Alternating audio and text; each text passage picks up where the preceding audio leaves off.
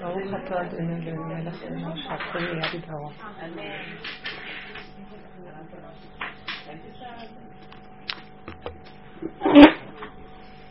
שלי, מה שלומכם? מה דעתכם שנעביר את השיעור לבוקר? אפשר לעשות פעם בשבוע בבוקר.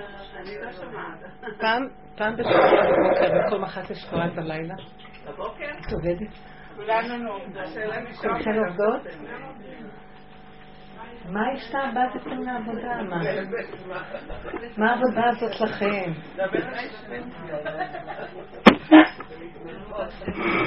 רצו פעם בשבוע ואני לא מוצאת ערב. אם תמצאו לי את היום השמיני בשבוע, אז אני מוכנה לסדר אותו לכם.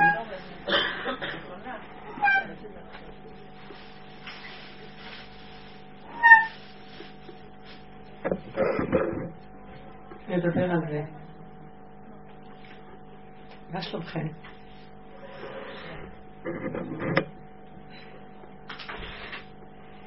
כל פעם מחדש אה, אני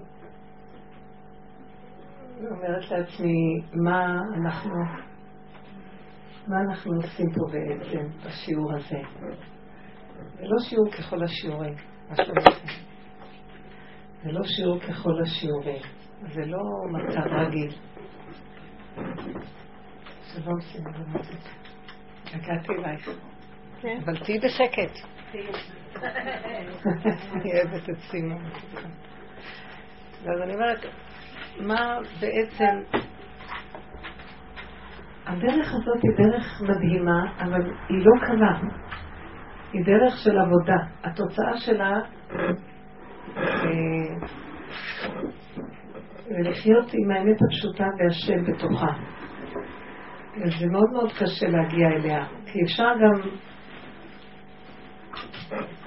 אפשר להגיע לאמת, אבל להיות כלי שבור, ובאמת השם נכנס בכלים שבורים. אנחנו צריכים להיות כלים שבורים שהם לא שבורים מדי. וזה דבר מאוד מאוד קשה. איך לאכול את העוגה ואיך לשמור אותה שלמה. איך לעבוד את העבודה הזאת, שהיא בעצם העבודה הזאת מתחילה כשהמוח נגמר, השכל נגמר. אנחנו לא רוצים לחיות בלי שכל, אבל זה שכל, כשאני אומרת שהשכל נגמר, זה לא שגומרים על השכל, שגומרים על, ה... על השקר שבשכל. יש הרבה שקר בשכל. יש הרבה רחבות שהיא מיותרת, שהיא נהייתה כאילו זה שכל וזה אפילו לא שכל. תודה. תודה רבה. היה איזה תלמיד חכם גאון גדול, חסרה, בתלמוד בבלי חסרים הרבה מסכתות, שעוד מתקופת הגלות, או מתקופת, מתקופת חורבן הבית, נחסרו הרבה מסכתות. אז הייתה איזו מסכת שהייתה אה, חסרה, אני לא זוכרת את שמה, משהו, חלק שקשור לקודשים, אבל משהו אחר, ו...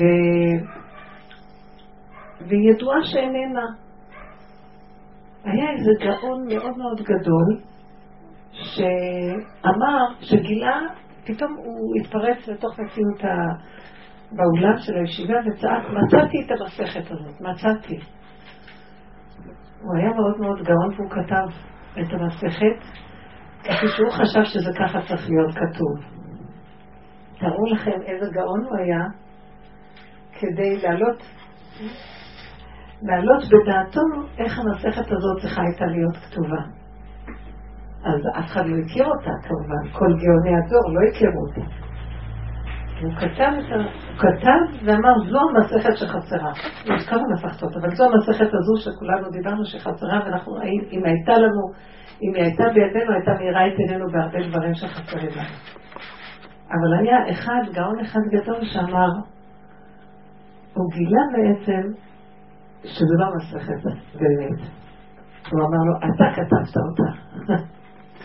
שכל כל כך דק ועדין של גמרא. אתם יכולים להבין מסכת שלמה כתובה. שלא סיפורי סבתא. מסכת בגמרא כל כך נראית אותנטית, ממש. וברמה והכל, ואני חושבת שזה הרוגע שובר, אחד מגדולי ישראל. והוא גילה, ואמר, זה לא המסכת, אתה כתבת אותה, ובסוף הוא הודה שכן. והיה איזה סימוכים מאיפה הוא ידע, היה איזה משהו קטן, שהוא אמר שזה לא יכול להיות, שם הוא תפס את הנקודה. אז תראו איזה, איזה שקר יכול להיות בתוך שכל שהוא נראה כאילו שכל האמת.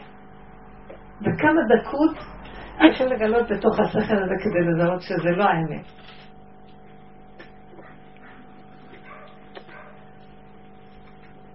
זאת אומרת שהשכל הוא מטעה מאוד מאוד את האדם, לא כל שכן שכל שלנו כבני אדם עלובים, שוכני בעמק הבכה, שהוא מלא שקרים.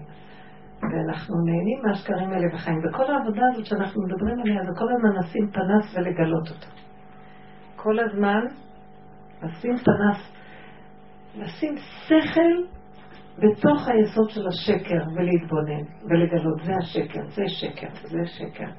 אני לפעמים יש לי מצבים שאני אה, נהיית כאובה ואני רוצה לבכות. משהו ביני לביני, כל מיני דברים.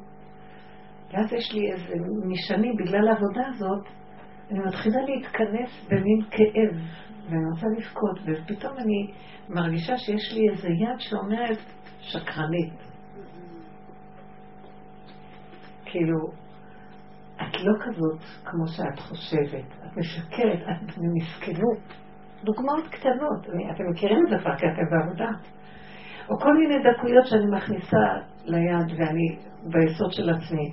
ולבסוף אני לוקחת את זה ואומרת, זה נכון, אדוני שלום, אתה יודע, אני חיה בכוח כזה חזק של עולם של שקר ושכונה, הכל, ההשפעות של השקר, ואני בתוך עצמי התחנכתי כבר הכל, איך נצא מזה? אז כאילו הכל שאני שומעת זה מספיק שתראי שזה שקר ותגידי לי. והתוודו על חטאותם, מודה ועוזב ירוחם, ומכסה פשעיו. להצדיק את זה, לכסות, להגיד, לראות. להגיד. לא חייבים לצאת עם זה. לא חייבים לחפש את האמת, כי אף פעם לא נמצא אותה. אבל חייבים לזהות את השקר שבהתנהגות, או בשכל של המידה, או בכל דבר אחר. ואם אנחנו מפתחים כזה מנגנון, ואנחנו חיים איתו עם השם, בדיבור, וידוי דברים. מה וידוי דברים? אני תקועה בתוך מציאות כזאת. או אני אומרת לעצמי, את לא כמו שאת חושבת, את כאובה, אבל את משקרת לעצמך. זה, בוא נגיד, אני לוקחת משהו, זה הרצינות שלך. את לוקחת דבר כל כך ברצינות, ונראה לך שזה סוף העולם, זה לא סוף העולם. אני מגלה שזה תכונת הרצינות, שהיא, זה מין גאווה שכלית גבוהה, שהיא מתלבשת כאילו זה הבעיה, ואז נועד זה לא, זה שקר. אתם מבינים? בכאלה דקויות מפתח כל כוח שמתבונן ומחפש את עצמו, מחפש את השקר שלו. את האמת כבר השם מגלה. כי כשאת מחפשת את יסוד השקר ואת מתוודה עליו ורואה שאת תקועה בו, את לא חייבת לסדר את זה שזה יהיה אמת. זה גוף ההכרה של זה וההתבוננות בזה, מאחורי זה נמצאת האמת. רק תנו לי רק את, את השקר, את הנקודה של הפגם, של הלכלוך. האם עד כה אתם עוקבים אחריי? יש לכם איזה דוגמאות שאפשר יהיה לעבוד עליהן בנקודה הזאת? כי אמרו לי שאני הרבה פעמים מדברת ולא, ולא לא נעצרת בנקודות של הכלים לעבודה, נכון? נו, מה לי, יש לך הזדמנות. בסדר, יש לי בעל כזה. אל תשקרי. מאוד מסודר. סתם אומר. לא, לא, באמת, הוא מאוד מסודר. זה מה שקשה לי בו, כי אני לא. כל הזמן אה, יש מצב כזה שאני מרגישה שאני אה, צריכה כמו לרצות אותו, לא, בגלל, לא בשביל לרצות אותו, אלא בגלל שאין לי כוח לריב, שזה לא מסודר, אז אני מוצאת אותי מסתדרת. עכשיו מה... למה את חושבת שאת צריכה לרצות אותו? לא, אז... למה את לא יכולה? לא, נקודה. שימו לב איפה השקר מתחיל. אין לי כוח לריב, אין לי כוח לריב. אז זה לא אומר, אל תריבי, אבל למה לרצות כדי לא לריב? לא לריב. כי אתם רואים את השקר שבעולם? כי אם... בואו נפתח את הנקודה. לא, אין בעיה, אין בעיה. אני רציתי רק להגיד עוד משהו, שתגידי לי אם זה נכון או לא, שבזמן האחרון, מרוב שאני מנסה להתבונן במצב הזה, אז אני הגעתי למסקנה שאני צריכה להיות כנועה מול בורא עולם בסיטואציה הזאת, כי הוא כבר הביא אותי למצב שיוצא שאני כן מסדרת כבר. אז לפחות שזה ילך אליו. אז, אז, מה, אז מה עשיתי שבעצם אני רואה את, ה, את, ה, את המסכנות שלי, שאני מוכנה להישאר בתוך הלכלוך ובג'יפה ובזה ובזה ולא לסדר במקום, במקום לחיות בצורה קצת יותר נורמלית והשם שם לי אותו כדי שאני אתאוורר ואני לא אסכים למסכנות של עצמי. את לא כל כך מסבירה לנו מה הסיפור שלך, לא ברור לנו.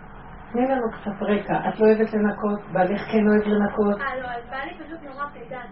הוא פדנט. הוא ינקה פאנלים, הוא ינקה זה, הוא בחורים בסדקים, הוא יהפוך את ה... הוא יהפוך את המגירות, כאילו זה... זה נראה לי מוזר, כי הוא לא אמור להיות כזה. ואת הפוך. אני מדקה שיראה נקי, ולא מסתכל לי מה הולך מאחורה, מה הולך מפה, מה הולך משם, איפה שלא כן. רואים. אז עכשיו מה? אם את לא תנקי, אז איך הוא יגיב? לא, הוא, מסוגל כאילו לראות אותי מטאטא, אבל בגלל שלא עברתי על הפנל הוא יהפוך, הוא ילך, הוא יטאטא עוד פעם, כי זה לא מספיק נקי. אז מה אכפת לך שהוא יטאטא עוד פעם? לא, לא אכפת לי. מלכתחילה אלא כואב לי, לא, כואב לי שכאילו... כואב לי שהוא כאילו עושה את זה במקום כזה, אני לא עושה כי, אני עושה כי את לא עושה. כאילו, כן, ביקורת. עושה את זה כי הוא רוצה לעזור. אז רגע, רגע, אני שואלת אותך את השאלות כי אני רוצה לעצור ולעשות פירוש בגוף הסרט, כאילו. לא, אז, אז ככה, ראיתם את התגובה? הוא הולך עם התגובה של הטבע שלו. זה לא ביקורתי, כי הוא לשיטתו אה, נקי, הוא לא נקי, הוא כפייתי. הוא עוד אומר לעצמו, לא רק הוא, כולנו, אנחנו תמיד מספרים לעצמנו שאנחנו מושלמים ואת לא מושלמת. אני מאוד מאוד ברמה ואת לא ברמה, אני פשוט חולה כפייתי, יאללה. לא חשוב. לא נכון רגע, רגע, עכשיו את, אה, אז הוא לוקח את התה ואת שוב.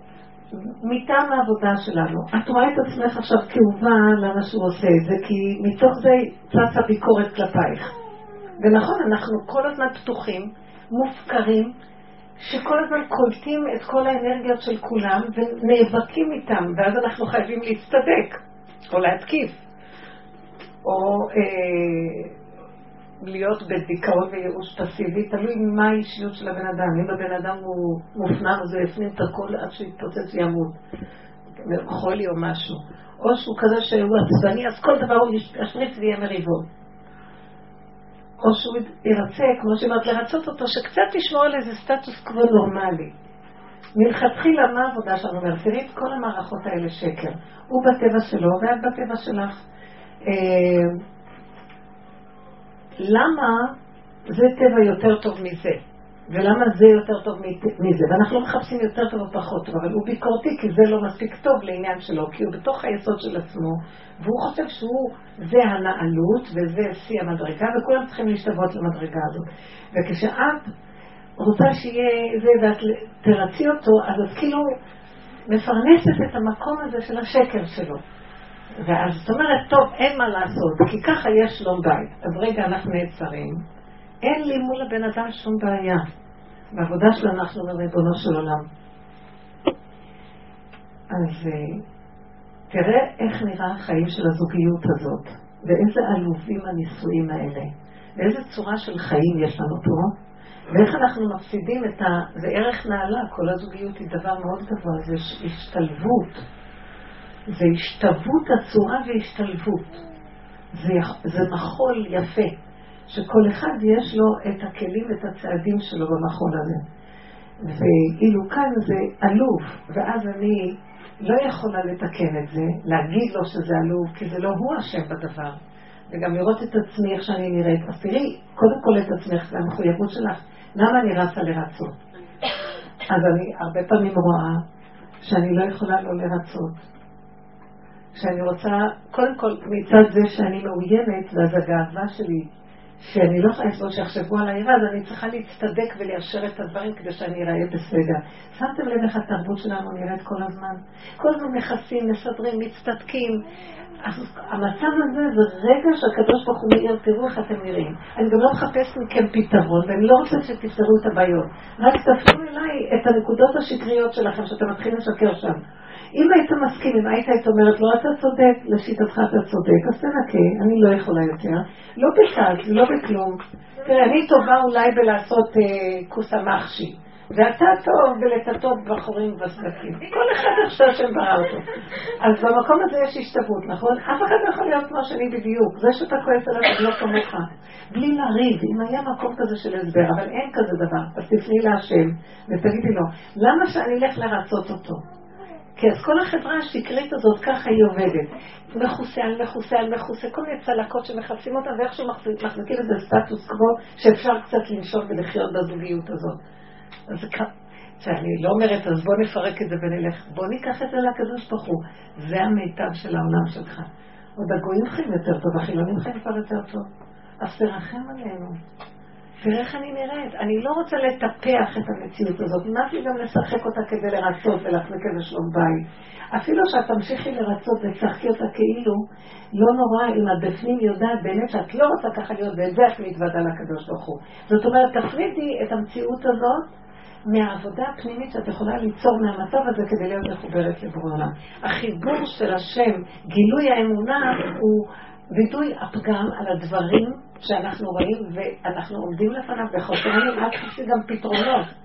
קצת את מסדרת איזה מין אה, התרצות אליו כדי לסדר את הפתרון חיצוני. לא נורא אם את גם לוקחת את העיקר ומפנה אותו לעבודה. אבל אם זה ככה איך שהחיים בנויים, כל הזמן לרצות לסדר, להכניס את הכל כדי שיהיה עוד איזה קצת לחיות, עוד קצת לחיות. תסתכלי מה שעכשיו אני פיתחתי. אני לקחתי את הדבר וניתחתי אותו. את צריכה לנתח את הנקודות שלך. לראות. אני חשבתי שהקדוש ברוך הוא מחפש אותי בחורים מבזקים כשאני רואה אותו מחפש אותי בתוך הפאנלים. ואני חשבתי, ואני חשבתי... בסדר, בוא נגיד שהשם מחפש אותך בפאנלים. מה הוא רוצה ממך? בנפש הוא רוצה אז הנה, תעשי מה שאני אומרת לך, תחתכי את זה לחתיכות ותגידי, אני כזאת, אני כזאת, אני כזאת, אני לא, כזאת. האם יעלה על הדעת שאני יכולה לתקן כאלה קלקולים? לא, הוא לא מחפש מאיתנו לתקן את הפגמים. הוא מחפש להתוודות ולהניח, כמו עבודת יום הכיפורים. לא יכולים, תקועים, תקועים. אז בשביל מה הוא מחפש, הוא מראה לי דרכו שאני אראה את כל זה. בוא נגיד שזה הסברה, שזה מה שהוא רוצה, למרות שאף פעם אני לא יודעת מה הוא רוצה. אני יודעת דבר אחד, מה קורה איתי? קורה איתי שאני לא יכולה לסבול, אני כאובה, נמאס לי לרצות, נמאס לי כבר מהשקר הזה שהחיים נראים. כל הזמן לרצות, כל הזמן לשחק אותה, כל הזמן הוא חושב יותר טוב שהוא יותר טוב, כל הזמן הזוגיות, כל הזמן לנסות אה, תחרות כזאת. אז את זה לקחת לקדוש ברוך הוא, נגיד לו, די עם השקרים, נמאס לי. מה אתה מחפש אותי בפאנלים? אני לא חושבת שאני יותר טוב ממך, אני פשוט תקוע, אני לא מסוגל, שלא יהיה מסודר אז מה אתה עושה ממני? קח את המצטט ותצטט. אז למה הוא צריך להגיד לך את כל זה? כי את התחלת לרצות אותו. תניחי לו. אז הנה, תקחי את זה ותגידי לבורא עולם, תראה איך אני רצה אחריו לרצות אותו. אז הוא רוצה לעשות ככה, שיעשה ככה. אבל הוא היה מעדיף שהיא תעשה את זה.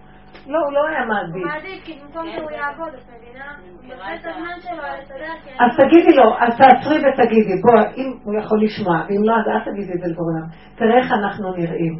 אנחנו כל כך כפייתיים, למה אמרתי כפייתי? כי יש לו משהו אחר יותר טוב לעשות, והוא לא יכול, זה כאילו הגלידה תקועה לו פה, והוא לא יכול להוציא את היד. יש לו ערך של ללכת לעבוד, לא חבל לך בשביל הדברים האלה. לך תעבוד ותניח, לא נורא. לא, אני לא יכול. אז תתפללי עליי, תתפלל על עצמך, תראה איך אתה נראה. בוא נעבוד לקדוש ברוך הוא, תגיד לו, תראה איך אנחנו נראים, דפוקים לגמרי, תקועים, תקיעות איומה, ורק אתה יכול לגאול אותנו. אז למה הוא בא אלייך בטענה שאת לא בסדר, והיית צריכה לספק לו את התקיעות שלו? ולמה את באה אליו שיספק לך את התקיעות שלך, וככה אנחנו עושים בזוגיות, וככה נראית הזוגיות העלובה שלנו. אין אמת, אין ישרות, אין כלום, מה, מה יש שם? מה יש שם? זה באמת קשה המצב הזה. החיים שלנו כל כך דלוחים וגלולים, ומולידים ילדים לתוך המערכות האלה, ואיכשהו מגדלים אותם בכאבים, כי יש לחצים ומתחים. ועוד לפחות אנחנו עוד נהנים קצת מהגידול. יש משהו מתוק בכל ה... יש משהו שממתיק לנו, אבל איזה מתיקות עלובה. ואני צריכה להוליד ילד שיהיה לי קצת חיות ממשהו לחיות, הבנתם? למה? אני רוצה בנשימה שלי לחיות ולא יזדקק לכלום. ואם השם רוצה להביא דרכי ילד, שיביא לי לי גם שמחה ממנו. אבל למה זה תלוי בזה, שתלוי בזה, שתלוי בזה, והכל כל כך חשבונות רבים ומסכנות. ויום אחד כל כך מר לי עלו בתחתית הנפש, אם משהו לא מסתדר, אז אני אעיף את הילד ואעיף את הבן ואעיף את כולם. אז איזה מין חיים אלה? אתם קולטים מה אני מדברת? למה אנחנו לא באים ומתוודים את כל זה להשם? כי אנחנו מכסים, מכסים, מכסים, ולא יודעים איפה זה מתחיל בכלל. ומה שאני מציע לך זה לפרק. כשאת רואה אותו במקום הזה, תעמדי, עולה, איך את מתחילה לפרק? את מתחילה, את מתחילה, את מרגישה לחץ ממנו. איפה שיש לחץ, מתח, כאב, צער, תעמדי. זה המציאות שלי. כי הוא יצא, הוא עכשיו מראה לי אותה. מה זה קשור אליו? מה זה קשור אליו? הבעיה שאני כבר נמצאת במקום כזה שכבר זה לא מעניין אותי, שיפסק מה שהוא רוצה, שינקה מה שהוא רוצה, זה כבר לא מציג לי כלום, כאילו אני ככה וזהו. גם אני ככה וזהו. לא, אבל זה לא ככה, זה ייאוש. זה ככה לב בורא עולם. תראי מה אני עכשיו אומרת, אתם קולטים מה אני מדברת? אולי אתם לא קולטים את דרך העבודה שאני מדברת עליה. קחו את הנקודה ותעלדו איתה, והרבה פעמים זה מתפספס לנו. אנחנו נשברים בדרך, כאובים. הכאבים עושים לנו כאבים. וצריך מאוד מאוד להיזהר מיסוד הכאבים. כי אם הכאבים עולים על גדותיהם, אז אנחנו כבר לא יכולים לעבוד ונשברים. למה את מתייאשת ואומרת, אתה כזה תעשה מה שאתה רוצה? לא, אבל הפוך, אני כזאת, אני מבולגנת, ואתה לא, אז אתה רוצה לקחת את המטר אני, אתה איך שאני, תן, כאילו, לא... בוא נגיד... אני לא רוצה להתרגש כאילו, את מבינה? יפה, אז את לא מתרגשת, את לא מתרגשת, אבל את אומרת, רק רגע, אבל ראית איזה דבר שכן התרגשת, מהו הדבר שהתרגשת? הלוואי והיית מגיעה למקום שאת לא תתרגשי. מה הדבר שהתרגשת? רצית לרצות שיהיה שקט. נכון, זה קחי ותעבדי. למה אני צריכה, למה אני צריכה לרצות? זה מאוד קשה, זה כואב, הלב כואב לנו. יש לנו כאבים, כי אז אני מגלה, הגאווה שלי לא יכולה לסבול שהוא מבקר אותי. נכון. אז, תגידי, בורא למה אני תקועה בגאווה, אני תקועה במציאות הזאת. אנחנו תקועים. זה לא עצוב להגיד, בהתחלה זה כואב, כי המוח לא יכול לסבול שאני תקועה, אז יש לי כאבים. באמת, זה עובדה, זה ירוק וזה צהוב. מה אכפת לכם ירוק או צהוב? זה עובדה, עובדה. אני תקועה. כי אנחנו כולנו חולים פה, חולי נפש כולם. חולי המידות וחולי נפש. יש דרגות שונות של חולי נפש. אנחנו חולים, חולים ומכוסים. אם מישהו רק יעז להציץ, להראות לנו את החולי שלנו, אנחנו מתנפלים עליו ואומרים לו, אתה חולה. מה אכפת לך? הוא רק הראה לך את המקום שלך, תקחי את זה לקדוש ברוך הוא, אני יכולה, תעזור לי. ממה? הוא חולה מזה שהוא כפייתי בדבר הזה, ואת חולה מזה שאת רצה לסדר את הכפייה שלו, כי הכוחנות שלו מפיל, מפילה שררה ואפלה על הבית של... אז מפחדים מזה. ככה האישה מבעלה, אז היא רוצה לרצות אותו, זה, זה הטבע של הזונה, לרצות. כן? רק שישתוק. למה? מי הוא שורה, שאם הוא היה באמת, אבל הוא כל כך, הוא, הוא חולה, ואני מפחדת מהחולי שלו, אז אני צריכה לרצות את החולי שלו, אז אני מגיבה בצורה חולנית, אז העולם חולה. העולם מאוד חולה. מאוד חולה העולם. ואני נורא נהניתי ממה שהיא אמרה לי. היא אמרה לי פעם, יש לי בן לשידוך, היא אמרה, הנה, אני יכולה להיות הקלה חמודה. אז צחקתי איתו, היא כבר בנתה בית, לא חשוב, אז אמרה לי, אז מה את רוצה? את רוצה כלה מבית יעקב, מכוסה, שיש בה את כל, ה, כל ההגדרות, אבל הכל חולה בנפש שם, מה? זה מה שאת רוצה, נכון? ולרגע נעצרתי והייתי חייבת להודות שהיא צודקת. מה אני יכולה לעשות? אני כלואה במערכת כזאת, אחי, מה אני אעשה? ואני מבקשת לקדוש ברוך הוא שירחם עליי, לפחות שאם יכולה, שהיא תדע שהיא יכולה ותרצה לעבוד על זה, לפחות שזה יהיה המינימום, אבל מה אני אעשה? כי הם חושבים בינתיים שאני יכולה שאני הולכת בדרך כזאת. לא, הם לא חושבים ככה. אבל זה נראה הפוך העולם, כן? זה נראה איזה פלסוף, איזה דיבורים אנחנו מדברים, ומי, ומה העולם? נו, ראינו איך נראו הבחירות הפעם. אמרתי לה שיצאתי החוצה, ביום שישי לא ניקו את הרחובות בכלל, כל, הכל היה מפוזר עדיין גדולי ישראל רמוסים, כל מיני כיתובים שיש בהם חטאי פסוקים, זה הכל רמסו, הכל מלא. ויצאנו החוצה, ואמרנו, מה, לא באו לנקות את זה? אמרתי לה, את רואה, השאירו לנו כמה ימים שנראה איך אנחנו נראים. כל מה שהיה בפנים, הנה יצא החוצה בחוץ. מה שאנחנו רואים עכשיו בחוץ, זה מה שאנחנו בפנים. זה רק יצא לרגע החוצה. אז עכשיו אנחנו רואים את זה, מחכים יבואו לפנות את הזבל, ולא רואים שזה הזבל שלנו, ונותנים לנו, תראו את זה, תראו את זה, תראו את זה, תראו מי אתם, תראו את החולי שלכם, תראו איך אתם נראים, תראו את הוויכוחים שלכם ואת כל איך שאתם, תראו איך אתם נראים. ותתוודו על זה, מודה ועוזב ומוכן. מכסה פשעם, יאללה, שינקו ויקחו וכבר נחזור, שהכל יראה בסדר גם. אז אה, הבחירות עברו, מי בחר את המיץ ואתה? מי היה? מה נהיה? כאילו, איזה מצחיק הכל. ככה אנחנו חיים, זה עולם כזה. הדרך הזאת באה להראות לנו, לפחות תתעוררו, תראו איך נראה העולם. ככה אנחנו רוצים לחיות. יש לנו ברירה. אני לא רוצה לחיות ככה, אני רואה שאני מאוד מאוד כואב, אני לא יכולה אחרת, אבל את זה אני יכולה לצעוק להשם. כמו שבמצרים. ויצעקו בני ישראל מן העבודה, ויהלכו בני ישראל מן העבודה, ותעש שבעתם אל האלוקים מן העבודה. הם צעקו שהם ראו איך הם תקועים תקיעות עולם. הצעקה השנייה שראו את התקיעות שלהם, זו הצעקה שהקדוש ברוך הוא שמע. הצעקה הראשונה הייתה, למה לא מפנים את הזבל? למה ביטוח לאומי לא נותן לנו עוד קצת תקציבים? ולמה אתה צועק עליי שאני לא, שאני לא מסדרת את ה... זה? אני מאשימה אותו שהוא לא בסדר. בוא נצעק להשם, מה הוא מסכן, תקוע, כולנו תקועים. ריבונו שלם, תראה את התקיעות שלנו ותרחם עלינו, עד מתי ככה? תדעו לכם שמפעם לפעם לפעם, שאני רואה את התקיעות וצועקת אליו, ואני משחררת את הדמויות, שהן רק המקל שהראו לי את מציאותי, אני רואה את הישועות. לאט לאט לאט לאט אני רואה שהמקום שלי, הנפש משתחררת, מאחורי הפגם עומד גאולה. בורא עולם מתגלה. אני אמרתי לו, היה איזה שבת שאמרתי, אני לא מסוגלת להיכנס לשבת הזאת עוד פעם שאני אתחנף לאורחים שלי. כי להיות כמוהם אני לא יכולה, לברוח מהבית אני לא יכולה. אז אני מתחנף, לשחק קצת כמוהם. אני לא כמוהם בשיטה שלהם. אני במקום אחר של התבוננות אחרת, חיים אחרים, זה מאוד קשה. בסופו של דבר אתה לא יכול להיות כבר סתם עם כל העולם. אז הם באים, בעל כורחי, זה משפחתי, ואני צריכה לפרגן להם, לתת להם... הרגשתי גם קצת נכדים פה, אני כה לא אוהבת אותם. לא שאני לא אוהבת אותם, אני כאילו באיזשהו מקום, אני הייתי רוצה לחנך אותם אחרת, הייתי רוצה לראות אותם משהו, לא אכפת לי, הם נהדרים, הכל טוב. לנקודה הפנימית שלי. ואז אמרתי לי, אני לא מסוגלת עוד שבת אחת כזאת. למרות שהן שבתות טובות ויש תמיד... אבל ראיתי באותה שבת במיוחד שאמרתי לו, אני לא יכולה יותר, אני לא יכולה, אני משחקת אותה יותר מדי, אני לא יכולה, לא יכולה. גם שאפילו אני ראיתי שבמשחק הזה יש לי אפילו איזה כוח לעבור, לעבור את השבת. אמרתי לו, אני לא יכולה סתם. והתעקשתי עם עצמי מאוד שאני אברח מהבית אם אני אעשה ככה, אני לא אעשות פה שבת. כאילו, ראיתי איך הוא נתן לי, כי התעקשתי איתו, הוא נתן לי שבת, שלא אמצתי לרצות אף אחד, ולא לחייך חיוך אחד שלו במקום שלא בא לי באמת מהנפש. הוא נתן לי פשוט את המתיקות האמיתית לכל דבר. כי מצידי אין לי לב לאף אחד. אז אמרתי לו את זה, אתה לא יכול לתת לי אותם, שאין לי לב אליהם, מה אתה רוצה ממני? למה אין לך לב אליהם? כי אני במקום אחר. אני רוצה חבר של נפש אמיתי, אין לי כבר כוח. ואני מנסה להכניס את זה קשה. העולם של התורה הוא סגנון אחר. והנפש והדקות שלה והעמקות שלה זה משהו אחר, זה ראש של משיח, זה משהו אחר. וזה קשה.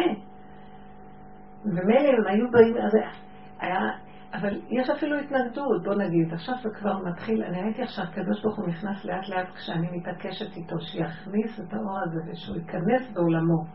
ואם אנחנו מתעקשים לנגוע בפקמים, הוא נכנס, וזה היה ממש אור מתוק, בלי מאמץ, בלי עמל, והקשיבו והצופים לשמוע, ואפילו היה והיה לי מתיקות, פתאום אהבתי מאוד את הנכדים, למרות, לא, אני לא יודעת אותם, הם מתוקים מאוד, אבל לפעמים את אומרת, אה, אה, מה אני יכולה להגיד לכם? אתם רוצים שאני אגיד לכם ממש הכל? תראי, לי יש בנים, זה לא כמו שיש בנות. באופן טבעי הבנים זה קצת משהו שונה. אז הכלות והנכדים זה הילדים של הכלות, כאילו. זה קצת שונה טיפה במשהו. למרות שאנחנו ביחסים מאוד טובים אותי, אני מדברת על דקויות. על הדקויות שביחסים. ולפעמים אני אומרת, זה לא חברה מהעבודה שאני קשורה איתה, אני מרגישה יותר קרבה אפילו מה ואפילו כבר עם הילדים שלי כבר התנתק את הקרבה שהיה פעם, שהם היו יותר שכם. כן, כבר התחתנו ויש השפעה של אנשים, וזה כבר, בתים שלהם זה משהו אחר. ואז אני מרגישה בדידות. ואני אוהבת אותם, בסדר, אבל זה בדידות. ואז אני אומרת לו, אז מה, אז מה, מה עשית בעולמך? ניתקת אותי מזה, אז מה הרעיון שלך? אז מה התכלית? אז אני אלך באמת, אני אתנתק, אז אתה חייב להתגלות בתוך זה ולחבר אותנו. אז אם אנחנו מתעקשים על זה, מה, מה התכלית? אתה רצית שנתחתן ושנהיה זיווג, אז אתה לא נכנס בזיווג הזה, אז אין לי זיווג הזה. איזה מין זיווג? זה חשבונות רבים, ואחד מטיל על השני את השררה ואת את הכוחנות שלו, כדי שזה יפחד ממנו ואז הוא יקיים דברים, ואז בעל כוחו ירצה אותו. איזה עלוב זה, לבזבז את החיים על צורת חיים כזאת. ולומדים לשקר, וככה חיים בדיעבד מכוסים ומלאים פסעים וכאבים. מה הצורה הזאת של החיים הזאת? לא נמאס לנו כבר? וכאילו אין השם, אם היינו צועקים אליו את המקום הזה כי היינו מבררים אותו, אז היינו רואים שהשם מתגלה.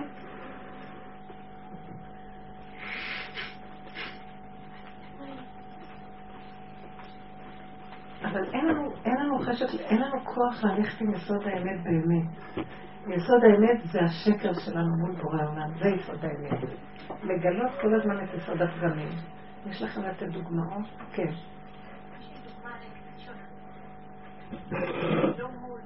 כן.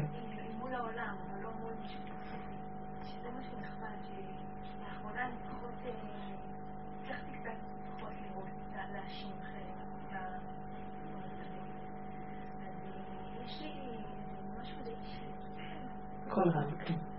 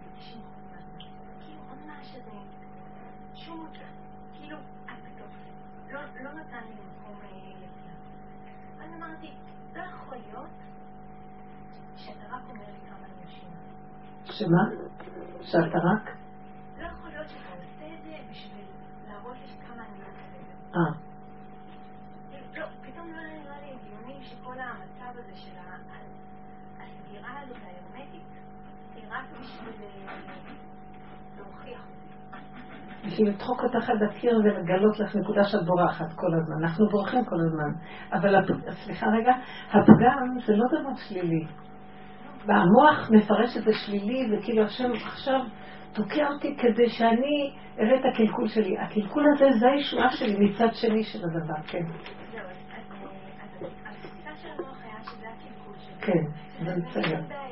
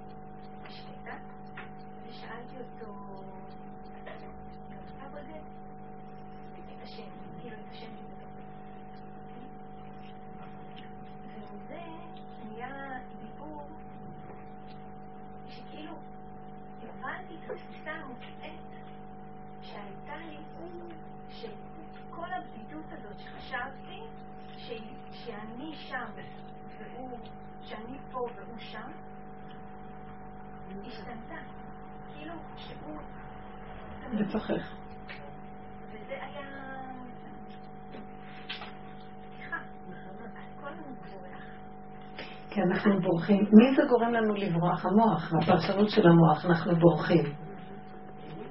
ואילו האמת היא, הנה הנקודה, אה, פעם הרע היה אה, תלמיד ששאל, אה לא, תלמיד שהיה, אבא שלו היה רבה, רב, אדמו"ר. הוא אמר לו, נכון כתוב אבא, כל מי שמאור בחצות הלילה, חוט של חסד משוך עליו כל היום. אתם מכירים את הדיבור הזה. כל מי שמתעורר תיקון חצות כל לילה, חוט של חסד. אז הנה אנחנו כל לילה קמים, עושים תיקון חצות, ואנחנו חיים בדחקות נוראה. איפה החוט של חסד? אתם הבנתם את ה... שאמר, חוט של חסד משוך אחריו כל היום. אז הוא אמר, הנה אנחנו קמים, ואיפה החוט של חסד? אז הוא אמר לו, זה שאנחנו קמים זה החוט של חסד. זה קצת הזכיר לי מה שעכשיו דיבר. זאת אומרת, שאנחנו מחפשים, המוח מחפש שם. אם נעשה ככה, זאת תהיה התוצאה. בתוך הדבר עצמו יש התוצאה. האמת נמצאת כרגע בתוך הדבר, אין לאן לברוח. במוח אנחנו כל הזמן בורחים. ואני רוצה להגיד לכם שאנשים שהם עוברים הרבה סבל, והם עברו הרבה ונפלו הרבה, מציאות של נפילות, בסופו של דבר הם מאוד חיים עם האמת האמיתית הפשוטה. זה כאן עכשיו, איך שזה, איך שזה ככה. ואז מה, מה שאת תיארת, כל הזמן מלווה אותך את לבד, את בודדה, כאילו הוא שם ואת פה, או את לבד בעולמך. זה המוח שאומר לנו את הדבר הזה ככה, והפרשנות שלו באמת, אם אני נושם זהו. אם אנחנו קמים עכשיו, זה החוט החסד, כי יכולנו גם לא לקום, ואיזה קושי זה לקום בלילה, בתיקון חצות. אז אם היינו רואים שבעצם במוח יש לנו מהלך אחר, הוא רוצה כל הזמן לתקן, זה פגם, זה קלקול, זה... אנחנו כל הזמן בורחים, ואז זה קלקול, אז אנחנו בורחים כי אין לנו כוח לעמוד בקלקול. הוא כל כך... התופעה של המוח היא הגלות הכי נורא, זה, זה תוכנה של גלות. האמת הפשוטה, אני נושם, אני, מי נושמים מנשים אותי? אבא זה אתה. אני לא טיטיתי ככה, אני מטאטה ככה, זה המושלם הכי גדול שאני יכול, אני לא יכול משהו אחר מזה. אבל, והוא אומר ככה, ואני כפייתי, כי ככה אני, אני אוהבת ארנקי. בוא נגיד, אם היינו מקבלים כל אחד את עצמו איכשהו, אלא אם כן זה מפריע לנו נורא, אז זה גוף, כל עוד זה מפריע, אז זה גוף העבודה שלנו להעלות את זה ולבקש ממנו רחמים בנקודה הזאת. לאן הוא יביא אותנו כשיהיה רחמים? מה יהיה הישועה כשאני מעלה לו את הנקודה? אני לא אוהבת ניקיון. הוא יביא לך שתהיי נקיינית מעולה, הוא ישאיר אותך באותה נקודה. אבל תשימי עם זה, ותגידי זה טוב, לא רע בכלל. הוא יביא לבעלך את הנקודה שיגיד בכלל, זה לא גרוע שזה ככה, מבינה? המוח אומר, תעשי על עצמך, תשני את השינוי, למה זה ככה? זה לא צריך להיות ככה. וכל מערכת המוסר, כל היום, לעבוד, לעבוד, לעבוד. האמת, אין לשנות שום דבר. אבל מה, יש איזו נקודה של לחץ, למה? או כאב, כי המוח אומר לי, לא ככה, צריך להיות ככה. אז זה גוף הצעקה להשם, המוח הזה משגע אותי. אז הוא אומר, טוב, אני אושיע אותך. מה תהיה הישועה שלו? הוא ייקח ממני את הצער למה אני ככה. זו ישועה מאוד גדולה. ואיך שזה ככה, זה טוב מאוד. וגם הוא יירגע, והכל יירגע, והזוגיות תירגע. וזה מה שאמרתי לו, אני לא יכולה יותר לשחק אותה. אז פתאום ראיתי, אה, אני משחקת אותה, אני רוצה לרצות אותה, ואין לא כוח להחזיק את המשחק הזה, כי אני מודעת לו, ואין לי כבר סבלנות. אז פתאום הוא הביא לי איזה מקום שראיתי, זה מה שאני, ורק אתה יכול לעזור לי, כי אני לא מסוגלת יותר לעשות כלום. ואתה בתוכי, תראה, עצם הדיבור על הפגם עצמו, ריכך את הכל, והופיע רגיעות, כאילו נעלם הכוח הזה שהוא התאמץ, משחק אותו, בשביל מה את צריכה להרים את השק שהעגלה נוסעת? הכל בסדר, אני פה. מה את דואגת? שלא ירגישו נוח ולא תחייכי מאוזן עד אוזן? מה? מה את רוצה לרצות? את מי? מה? הכל פשוט, הכל נחמד, הכל איך שזה ככה. והמוח הזה, זה המניק יושב במוח משגע את כולם. אפילו... במהלך, כי היו ימים שגם אמרת שהיית עושה, היית מרצה, והכנסת בזה את השם והרגשת שלא את עושה. זאת אומרת, זה מהלכים שאת עוברת, שזה יכול להיות פעם ככה ופעם ככה, פעם עשרתי, אני שואלת בעצם, פעם עשרתי ופעם הוא ייכנס שם, ותגידי, די, אני לא יכולה לעשות, אז הוא ייכנס שם, זה כמו איזה דואליות כזה. מה זה הוא ייכנס שם? לא יודעת, השם כאילו... מה זה, זה בעצם שכל פעם הוא נכנס בווריאציה אחרת. פעם הוא נותן לך את הכוח, ופעם הוא נכנס ונותן לך לא לעשות הצגה. וזה כמו איזה ריקוד כזה, שאת הולכת איתו, אז פעם זה ככה ופעם זה ככה, וזה לא קבוע. אני שואלת, אני רק רוצה דברים, אני... לא, זה נכון, תראי. היו ימים שכן רצית, היו ימים שכן רצית, אמרת, השם לקח ממני את ההרגשה שאני זאת שעושה דברים, ובכל זאת עשיתי, ודברים הסתדרו, ונהיה לי כוח פתאום לעשות גם וגם. זה היה הגילוי שלו כשהתוודעתי את העניין, וזה רצון הסוף, זה כל הזמן, להתוודות את הנקודה שמפריעה לי. מפריע לי. בוא נגיד, מפריע לי שהם לא עזרו לי, ואני עובדת קשה. אז כשאמרתי לו, אני לא יכולה לבד, אז הוא כאילו נכנס בתוכי, שהוא עזר לי. תראי את הפתרון שלו. הוא, מה זאת אומרת הוא עזר לי, הוא נכנס בתוכי? אני מאוד מתפלאה על הדבר הזה, הוא תמיד בתוכנו. המוח, לא, המוח חושב שאם הם לא יעזרו לי, אז אני לא יכולה. אז הדבר הזה זז. אתם מבינות מה אני מדברת? מה זה ישועת השם? כל הזמן השם איתנו, אבל המוח מפריע לנו לגלות את השם, כי למוח יש סטנדרטים אחרים. אני לא יכולה לעשות ככה אם הם לא יעזרו לי. אז זה מה שמפריע לי. עכשיו, אם הם לא מעזרים לי, אז אני כאבים.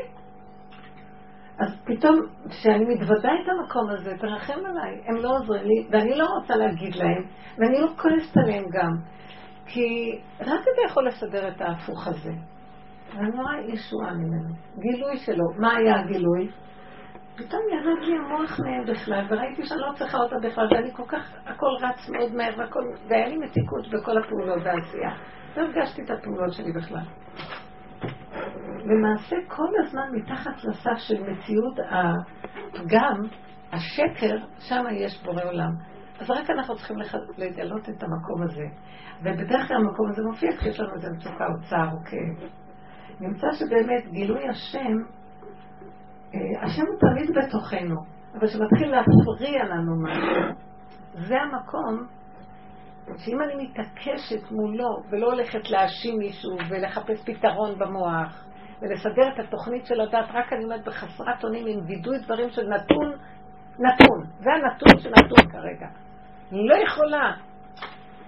תקוע לי משהו. אני כועסת עליהם, למה אני צריכה לכעוס על העולם? לא יכולה לסבול אף אחד. אז אני רואה איזה שנאה יש לי. ואת זה גופה, להתוודות לפניו, מהמקום הזה נהיה ישועה. איך?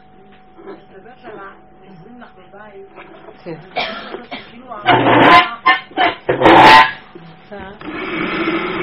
גב למישהו, כן. המוח אומר שהם צריכים לעזור.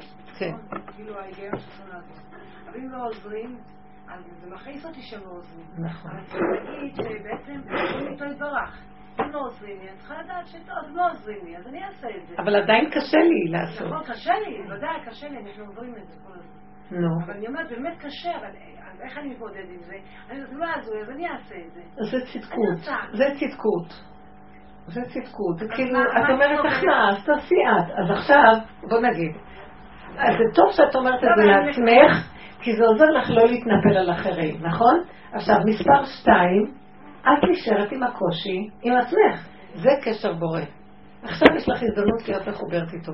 אני קורסת תחת העומס, אין לי כוח. אז בהתחלה אנחנו מתגברים, וזה, אני ראיתי, לפני שבועיים לי כל הזמן ניסיונות כאלה, שאני, השם לא רוצה שאני אתגבר, הוא רוצה שאני אעמוד מולו עם האין אונים שלי.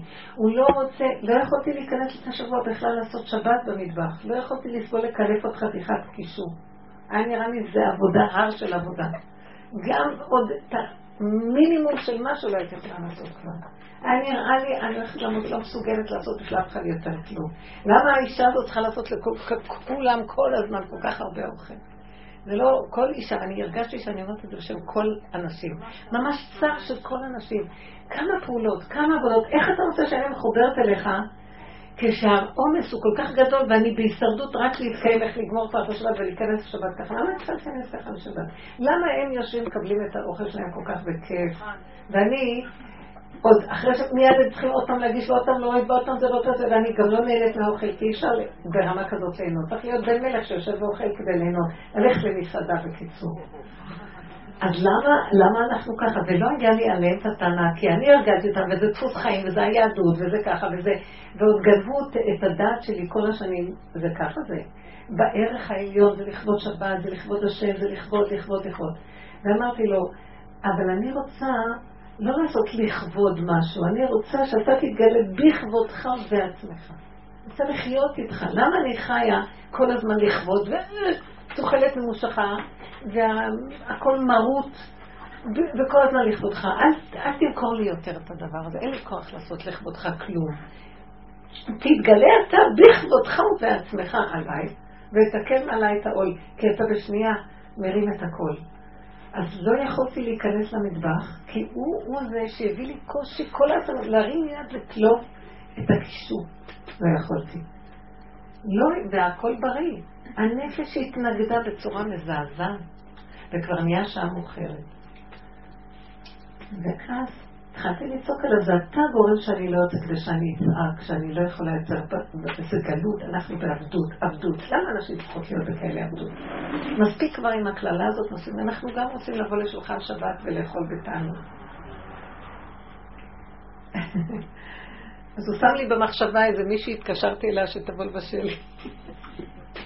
לא, במחשבה ככה אמרתי לעצמי, ומצאתי את עצמי בזמן שהיא הייתה ועשתה, פשוט הלכתי ליער לצעוק, פשוט לצעוק, ולבקש לנו רחמים, שאנחנו לא יכולים יותר לחיות ככה.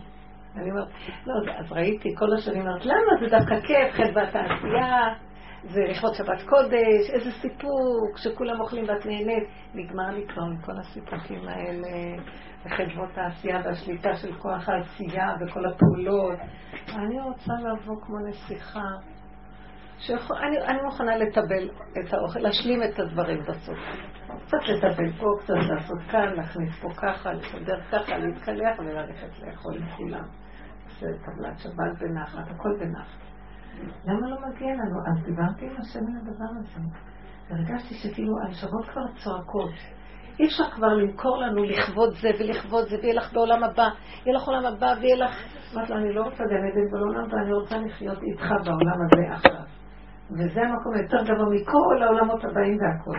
כי זה לכבוד, לכבוד, לכבוד, וכל הגלות חיינו ככה, זה אור שמתגלה עכשיו, אף אחד לא יכול להגיד כזה דבר. מה, את לא רוצה עולם הבא? את לא רוצה... להיות דבוק בהשם זה יותר לעולם הבא. ופה בעולם הזה כבר, למה לחכות? למה? אז במקום הזה ממש מתגלה אור, כי את מגנה כאן איזו נקודה שכל הזמן מכוסה, ואנחנו מסכימים לה, מסכימים, נו, מה נעשה? אנחנו נקום. איך? תראו, להיות מודעים לנקודות ולכאבים של הנפש שיושבת למטה והיא כבר לא יכולה לשאת. אבל לדבר איתו, כי מה, אני אמרוד, מה, אני אצא החוצה, מה, אני אפרוץ את הגבולות ואני אברח להם, מה? מה זה יעזור לי? זה נקרא בריחה. אני לא רוצה לברוח, ואני גם לא רוצה להמשיך עם ה... עם ה... אה, איך אומרים? אה, עם... שאני סבילה לדבר. איך אומרים שאני סבילה? יש מילה? יש מילה שאני, כאילו, שאני מסכימה למצב הזה בלית ברירה. איך? איך? לא, יש מילה אחרת, הכנעה זו מילה טובה. יש מקום של...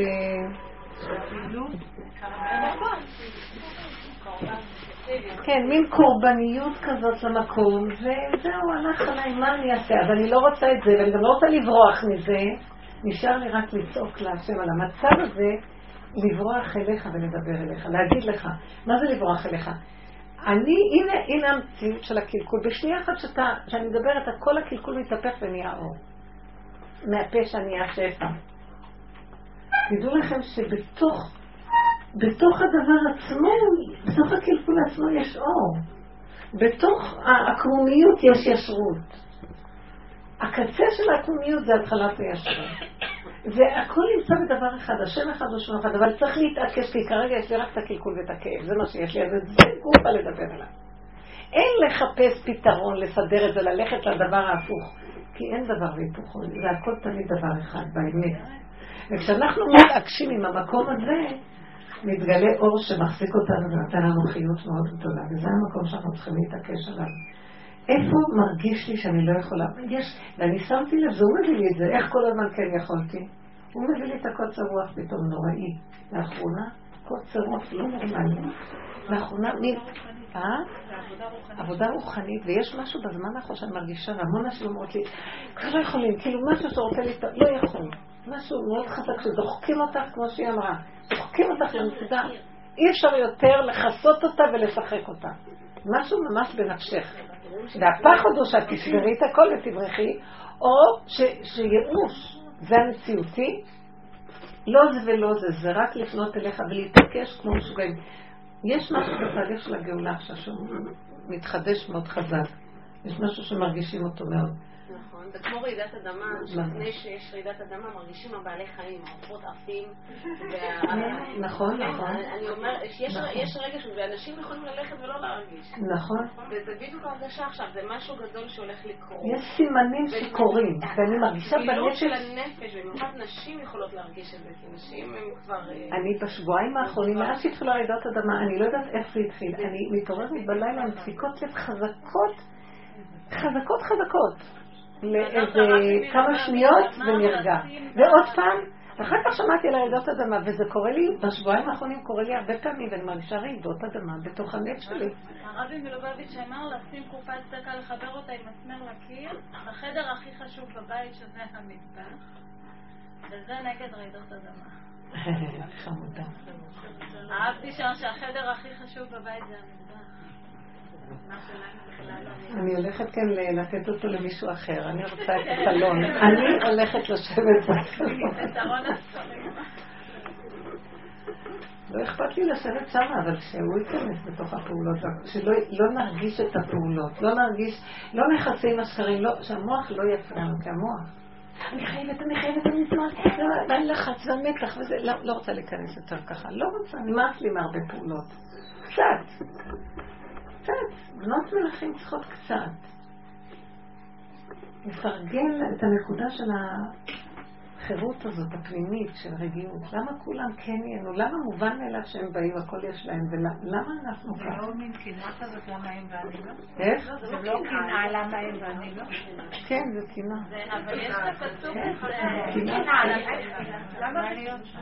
כן, אני לא רוצה יותר. קיללו אותנו בהרבה קלות, שבגרבות הזמן אנחנו צריכים לקום ולהגיד, טוב, זה היה לתוך גלות הכל, ריצינו את העונש, די.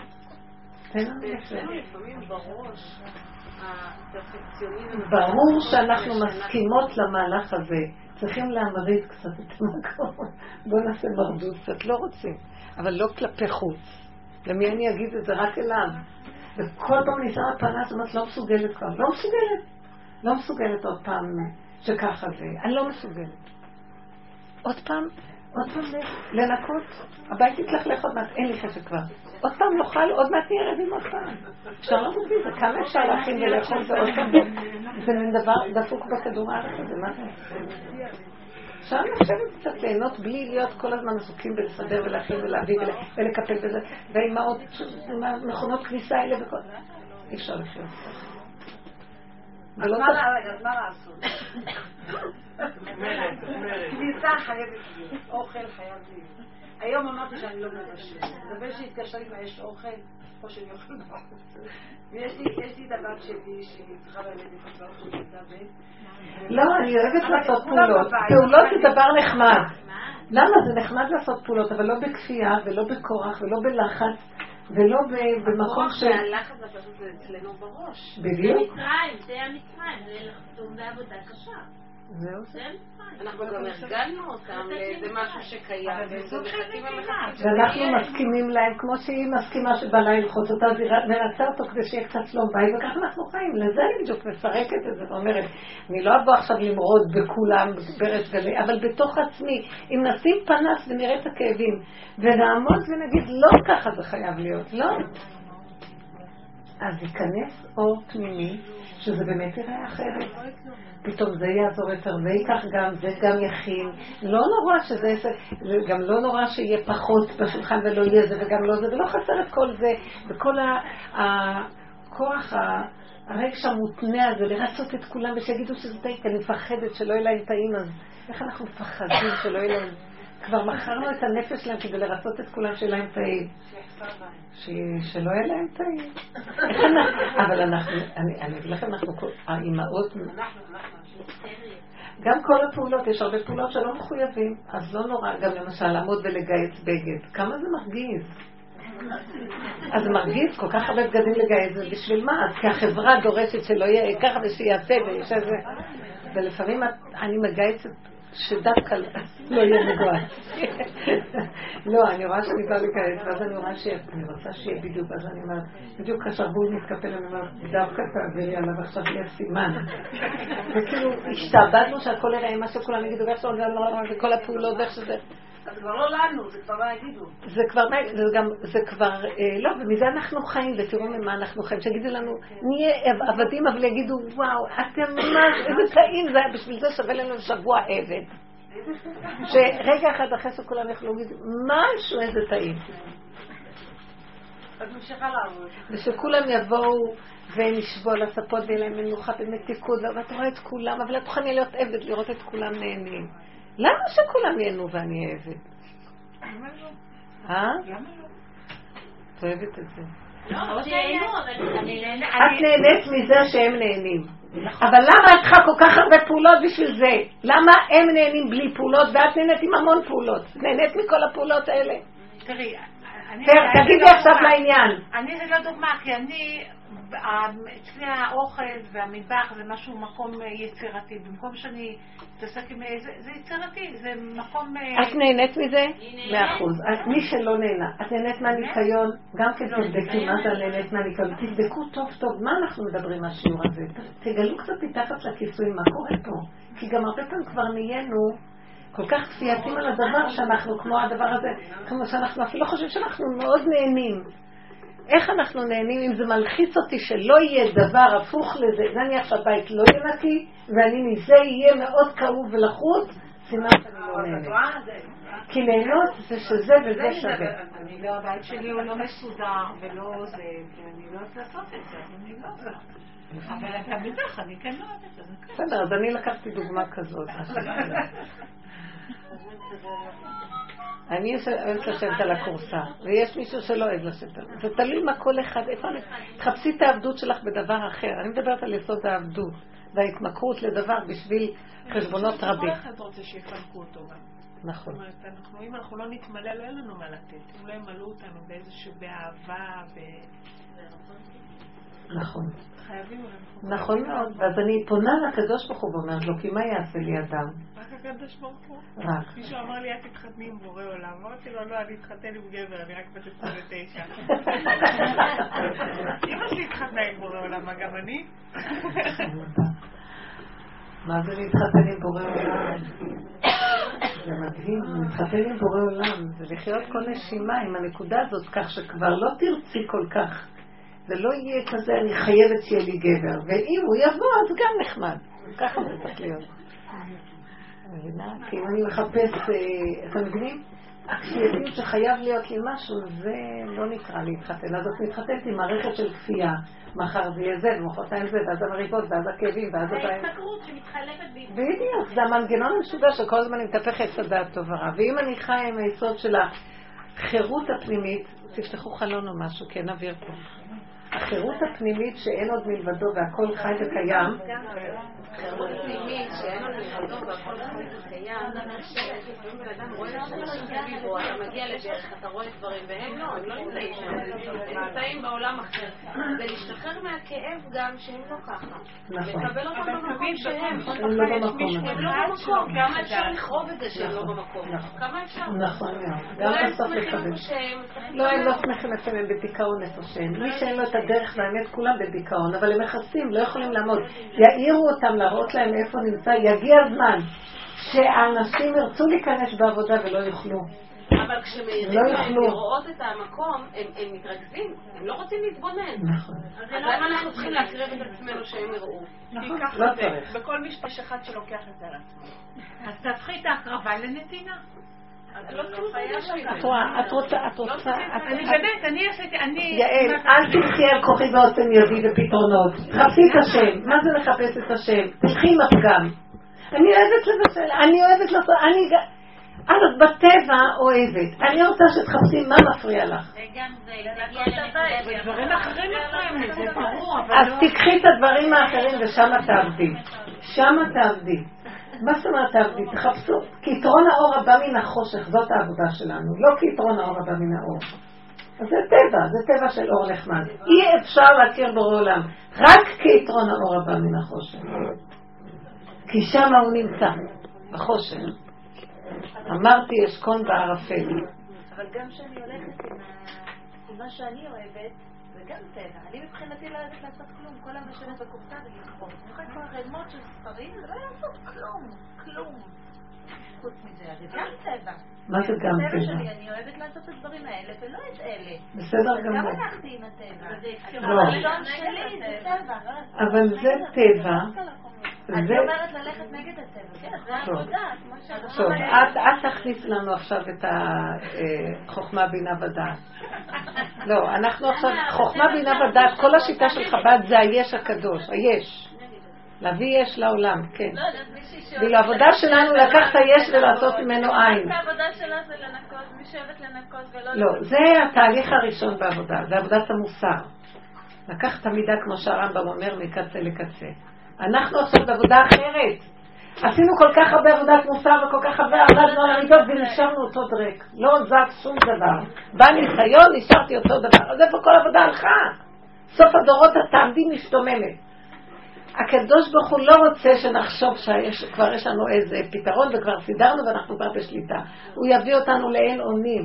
הוא יביא אותנו למקום של נפילה ושבירה. הוא יביא אותנו ל...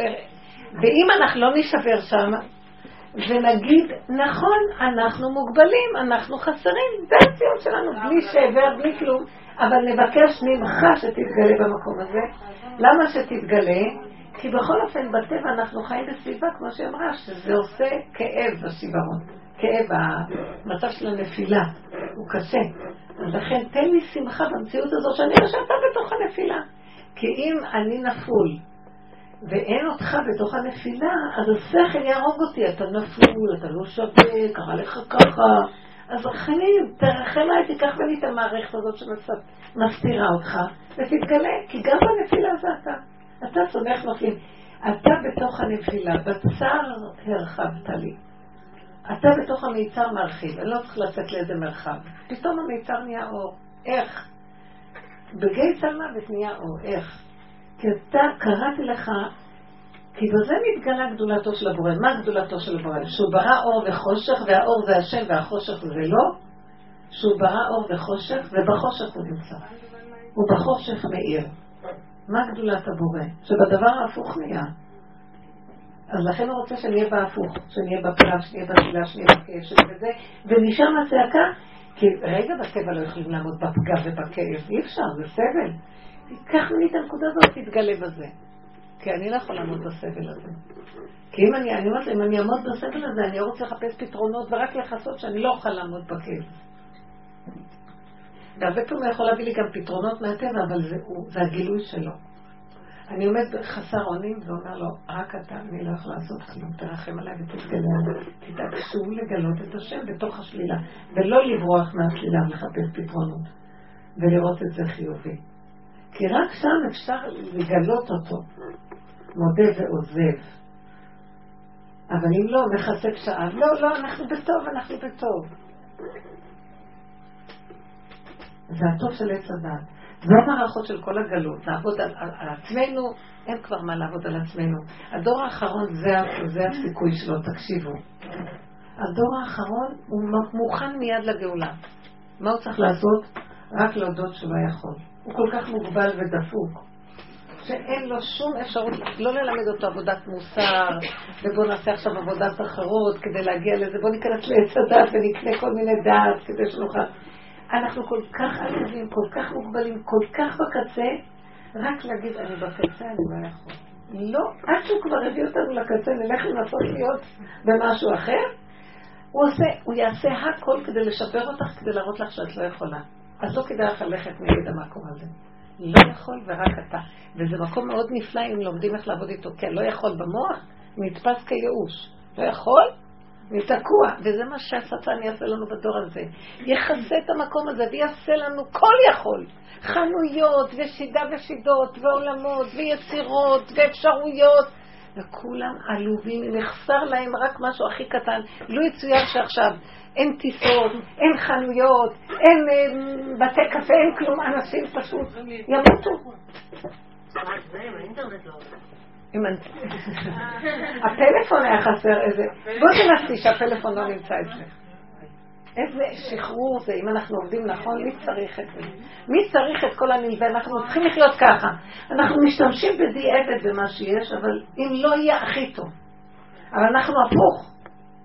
נמכרנו. לכל הדברים, ועכשיו רק חסר שמשהו לא יהיה, איך זה נראה. אנחנו, אז אנחנו מוגבלים, אז בואו נודה באמת, זה המודה באוזן. האמת יותר חשובה מהכל, שתהיה האמת הכי גרועה, אבל האמת זה השם, כי זו האמת. אני בבדידות. אני בבדידות. ולאן אני אברח? בתוך הבדידות הזאת הוא מתגלה ואין שום בדידות בכלל, זה רק נדמה לי, זה הדמיון של המוח. להתוודה בפגם, את הפגם, כי, כי המוח נותן קונוטציה שלילית לדברים. באמת אין, אין שום דבר חיובי או שלילי, הכל, הכל בסדר. הכל בסדר, איך שזה ככה. זו גאולה מאוד מאוד גדולה. מאוד מאוד גדולה. להגיד שהכל איך שזה ככה בסדר. בלי תירוצים. בלי לתרץ כל דבר. ממש. תדעו לך, אני מאוד נהניתי גם שאת אמרת, שדיברתי איתה. שכל מה שעברתי, כל מה שהיה, הכל בדיוק בסדר גמור. אין בזה שום דבר. וכשהמוח נופל, זה, זה החירות והגאולה. מה זה הגאולה? מה אתה חושב שהיא הגאולה? פתאום אה, השמיים ירדו לארץ והתגלו מלאכים, ומה אתה חושב שיש? שום דבר, הכל עולם כמנהגו נוהג, רק פתאום נראה, מה, איזה מטומטמים אנחנו. מתעקשים על זה, בוכים על זה, איך שזה ככה, אז עברנו ככה, אז עברנו, נו ככה, איך שזה ככה, בסדר הכל. זה שלב ראשוני של הגאולה. אם אנחנו נהיה במקום הזה בהשתוות הצורה, אחר כך יבואו עוד מדרגות, אבל זה קודם כל השלב הראשון. המוח לא נותן את הדבר הזה. צורת החשיבה הטבעית לא נותנת לנו את זה. וזה הגלות והאיסורים הכי גדולים. אני, אם אני אקשיב למוח, זה עוד מסר שאני רוצה להגיד. תסגרו את המוח, כי עכשיו הוא משתולל בשיאו ויכול להביא אותנו לשיא הדיכאון. אסור להקשיב לו. אם והוא מתגבר, מתגבר, כאילו יש איזה משהו, כמו, הכל עכשיו מתגבר, הכל נהיה עכשיו מאוד מאוד ואם אנחנו לא נמשוך לו את הזקן לתוך הפה, נדבר, נגיד, אבא, אני לא יכול, לא רוצה לשמוע, לא רוצה להקשיב. אם ניכנס ב, בש, ב, בעניינים שלו, ונשקול ונתרה איתו, חבל על הזמן. אין איסורים, נחשים נושכים. אין איסורים יותר גדולים מזה. מה שהיה היה, לא, אז, אז הבן אדם עשה שיעשה ככה, לא אכפת לי, עכשיו עכשיו נושמת, להתרכז בהווה עכשיו ולדבר הרבה עם הפה, לדבר, לדבר, לדבר. אני ראיתי הדיבור הפשוט, בלי שכל, פרק תהילים, בלי להבין. תתרכזו באותיות. לא צריך להבין. לא צריך את התפילה להבין. את יכולה, הלוא התפילה כבדה. לקחת את כל התפילה הזאת שחרית, וואי, איזה תפילה. קחי את כל התפילה של שחרית. את מתחילה רק להגיד, כבר המוח שלך מרחף, את לא יכולה לסבול. כשאת סוגרת את המוח ואת לוקחת, את לא מרגישה איך התחלת, מי מודה אני, כל התוספות, כל היהי רצון, כל הדברים, עד הסוף, כולל השש ספירות והשלוש עשרה עיקרי האמונה. ואת לא מרגישה איך גמרת את התפילה, והכל בזמן מאוד קצר. בלי לב, בלי להבין, בלי כלום. תגידי, זו תרפיה מדהימה למנוחת המוח. לא צריך כוונות, לא צריך פרשנות, לא צריך להכריח את המוח להביא לי איזה דבקות והרגשה. שקר, כלום. ריק, תגיד. לכן להוריד אותו בכוח לתוך הפה. אבא, אימא, ככה, כמו מפגרים, ככה אומרים, זה התפילה, ככה הם מתפללים אצל רבו שם. מהר, מהר, מהר, בלי בכלל רגש. נקי. גם הרגש הזה זה גניבה של המוח. המוח מסדר לי רגש. לא רוצה יותר את הרגש. הכל גניבה של המוח. כלום. מילים פשוטות. לא מבין, לא יודע. פרשנות, יש אלף אפשרויות לפרש את זה. מי אמר שזה דווקא ככה ולא ככה? אולי ככה, ולא ככה. לא רוצה פרשנות יותר. לא רוצה להבין, לא רוצה כלום. פשוט. לא. פשוט, הכל פשוט, הכל נקי, הכל מציאות פשוטה ועכשווית. כדי להגיע לזה, אז צריך לפרק את אותו כאב וצער שיש לי, שהשני רק מראה לי, ולפרק איפה נראה לי, ממה הצער בא, אם אפשר לפרק אותו, כי אם יש לנו מוח, זה טוב לזה, לפחות לזה. זה כמו לימוד התורה, כי המוח צריכים אותו בלימוד התורה, אבל לא כמו שאנחנו חיים עם המוח. מתרחבים, ובמוח מלחמות, ושנאה וכעס, ולשון הרע להוא וזה. המוח הוא מפחיד איך שאנחנו חיים איתו. מקור החולאים. הוא יכול... זה נורא ואיום. אני שוכבת לי במיטה, שכבתי. זה היה אתמול. נחתי לי לעשר דקות במיטה, והיה רגיעות. פתאום נזכרתי, בא לי פתאום, כאילו, מישהו הטיס לי למוח מחשבה. שמישהי שהייתה איזו אורחת שהזמנתי בשבת, אמרה איזה דבר. ופתאום נזכרתי בזה, ואיך נהייתי, איך התרגזתי פתאום? ולא יכולתי לסבול, ומצאתי את עצמי קמה מהמיטה, מסיתה את השמיכה, סוערת מהמחשבה. לרגע הסתכלתי, אמרתי, מה קרה? הכל היה בסדר, נכנסה עכשיו, זה כמו ארץ של אחניים. וכולי נהייתי סוערת, אמרתי, תראי, ברגע אחד זה צייר לך את החיים למות. מי הם בכלל, ומי היא בכלל, ומה זה בכלל, ומה, איך את מאמינה בכלום? רוחות רעות באות למוח. כלום. כאילו, צריך, עשיתי תנועה כזאת, איך הוא לזה? לא רוצה להקשיב לאף אחד, לא רוצה לשמוע כלום. לנשום וללכת למשהו מעשי פשוט. בשנייה אחת שהתחלפה התפאורה. שנייה. מה שמחשבה יכולה לעשות לבן אדם, ועל מה ומי. וכמה יש לנו, כל אדם שאת רואה, ישר יש לך רושם ממנו, וזה, מישהו עשה ככה, ישר את מצלמת, והמוח מלא, תשמרו על העיניים, תשמרו על המוח, תשמרו על עצמכם. אתם יודעים מה הולך פה במוח שלנו? את יושבת בלילה, וכל החלומות זה ההוצאה, ברוך השם שקצת משחררים לנו את הרשמים, אבל זה קשה מאוד. מה את אומרת? גם לנקות את המוח גדול עלינו. לא לנקות. לא, אני אומרת, לסגור. אני אומרת, לבקש להוציא מהראש. זה לא להוציא, זה לעקוף. יש הבדל בין להיכנס שם ולהוציא. אני אומרת, לא יכולתי לה- להוציא מהראש את ה... הייתי צריכה לדבר עם איזה מישהי שמאוד מאוד כעסתי עליה. ודמיינתי, אם היא תגיד ככה, אז אני אגיד ככה, ואני אביא לה את זה בהפוכה, ואני אביא לה את זה מסביב, ואני אלך לבוס שלה. וטחנתי את זה ימים שלמים עד שביקשתי מהקדוש ברוך הוא אפשר שלי. אם היינו מזהים מה עובר עלינו, אנחנו ננחשים, נמשכים על ידי נחשים. שאמרתי, אמרתי שם, תיקח את זה ממני. כל פעם שהרגשתי שזה חוזר אותי, תיקח, תיקח את זה ממני. וזה נגמר בצורה מאוד מעניינת, אבל... אה, לא, כי ברגע שהבן אדם מחליט שלא ייכנס לזה, השם מסדר את עולמו איך שלא אני לא יהיה. יכולתי להחליט את זה, יכולתי לבקש, והשם לקח את זה. כמה מריבות יש, כמה סכסוכים וכמה גירושים על הבסיס הזה של מאמינים במחשבות. והולכים איתם. פחד השם. לא לחשוב. לא לחשוב. אם היינו, אתם יודעים איך היינו צריכים לחיות?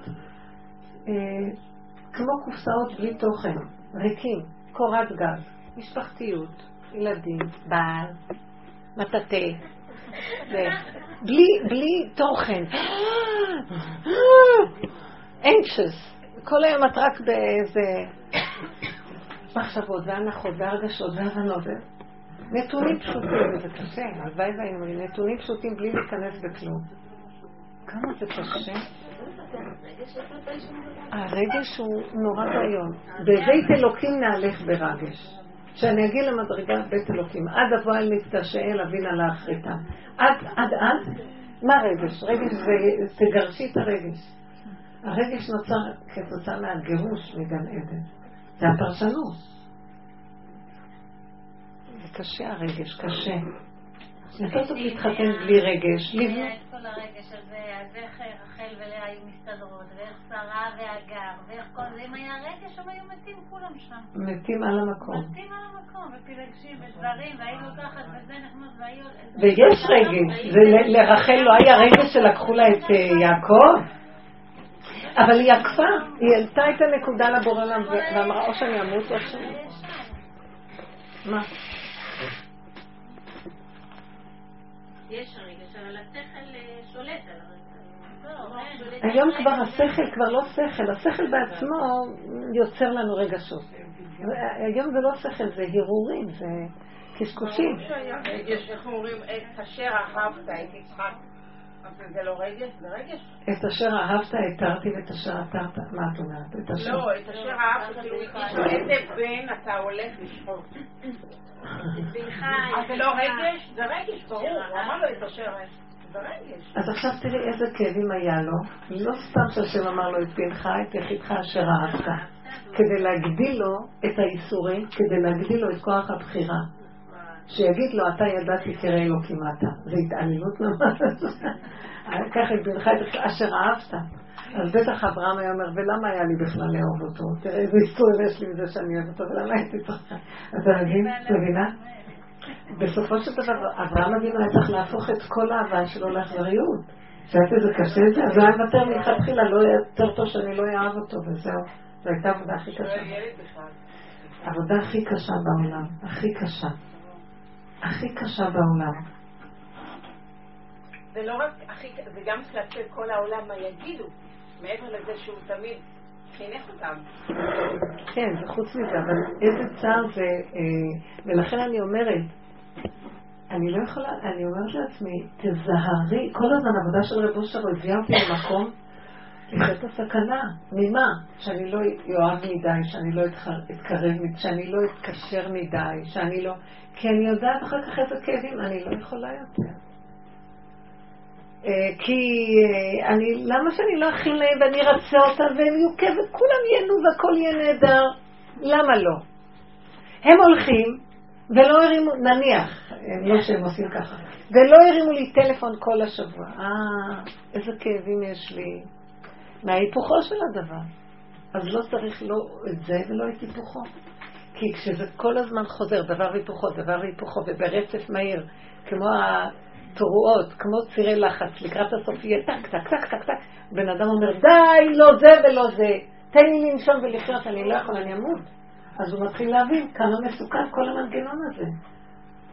וככה דורות אנחנו נשחטים. כי זה העולם. למה שנשחט על שום דבר?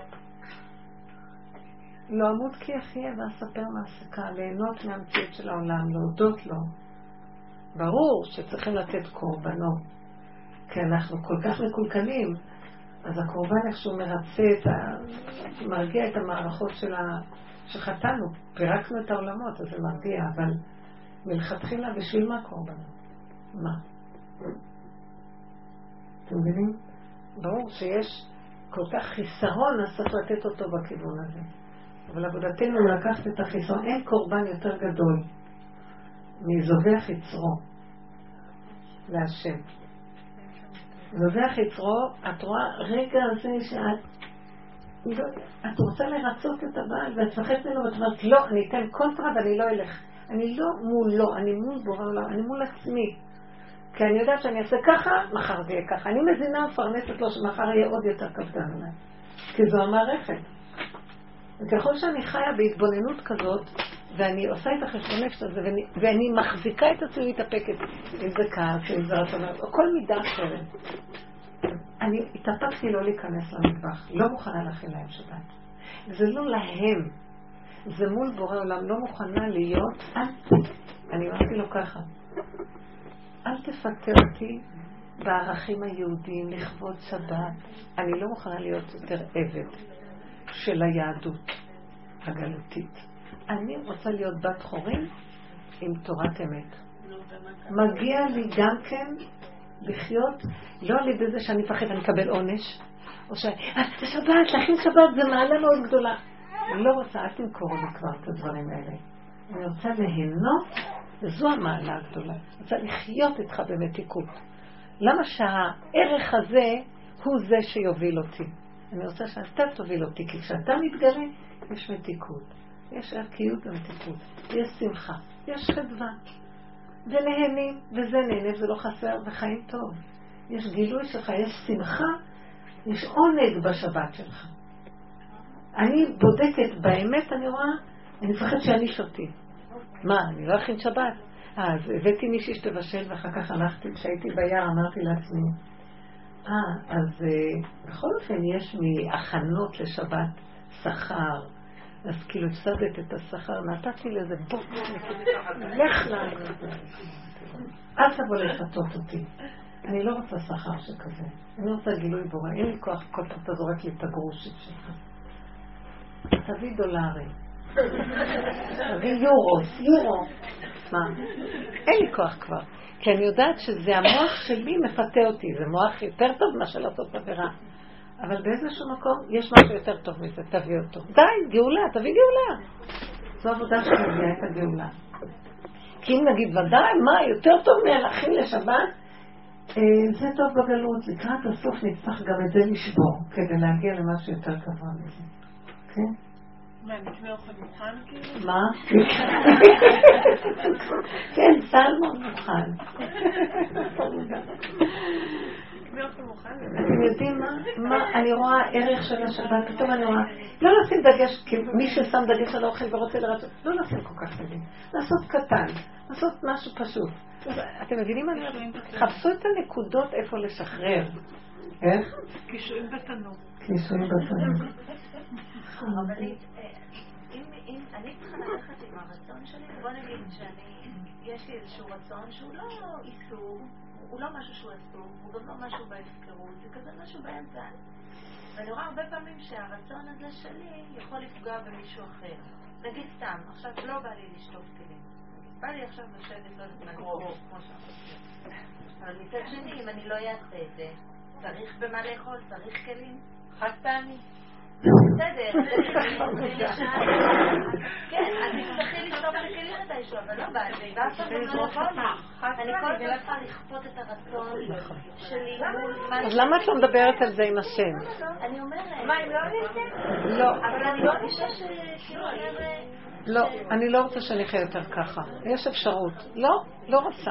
אתם יודעים, הגאולה תהיה נורא מעניינת. פתאום את תראי שאת לא תשטפי כלים, וגם לשני לא יהיה, לא נורא אם הוא ישטוף גם, ולא נורא אם... הרבה פעמים תראי שיאפשרו לך גם ליהנות, וגם יהיה בסדר, וגם איכשהו הכלים יעשו, וגם... במוח תקוע לך שאם את לא תעשי את זה, כי גם, אני מבינה, יש לנו פחד, יש לנו פחד מההפקרות, ושהבית כאילו ייראה הפוך ויתמוטט הכל. בוודאי שיש כזה פחד. קחי את הפחד ותעבדי את זה מול בור עולם, הוא יכול לגלות אור חדש. ופתאום תראי, כן, נעשה את הכלים, אבל זה לא... זה כאילו מישהו עושה דרכך, זה לא השיגעון הזה של שליטה. שאם לא ככה זה לא יהיה ככה, והפחד שלא יענישו אותי או שלא יפלו עליי. ש... בוא, נש... בוא נכניס אור חדש. יש מציאות של גילוי השם בבריאה. יש. הוא רוצה להתגלות, להתעקש עליו. כי הוא נתן לי קיצוניות בנפש, מצד אחד לא כן. בא לי לעשות, לא כן. מצד שני אני גם מאוד פדנטית. כן, כן, כן, כן, אני מכירה את זה. חייבת, אני- אין לי רגיעות עם אה, הכלים. אז זה לא טוב, את רואה איך לא את בא נראית? לי. אז את רואה איך נראים? אבל זה הוא נתן לי את ה... הוא נתן, קחי את זה אליו. תגיד, לא, יש הבדל. אתה, נ- תראו, כל טבע שהוא ברא לנו הוא מושלם. אבל שהוא יתגלה בו ולא המוח שלי מנהל לי את התוואים שלי. אתם שמים לב מה קורה? הוא ברא אותנו עם התוואים שלנו בסדר. אבל אני רוצה שהוא יתגלה וימלוך בטבע. הוא ברא אותי עם גאווה. אין לי כוח יותר לעבוד על הגאווה. כמה עבדתי על גאווה? קיים. אמרתי לו, כי אתה, לך יעתה הגאווה. בוא תמלוך עליו. כל פעם עכשיו שאני מתגאה, אני אומרת, זה אתה. זה אתה, זה אתה ולא אני. תתגלה אתה בזה, קחו את טבע אחר. גם הרצון לרצות, כי אני לא יכולה לעבוד עליו.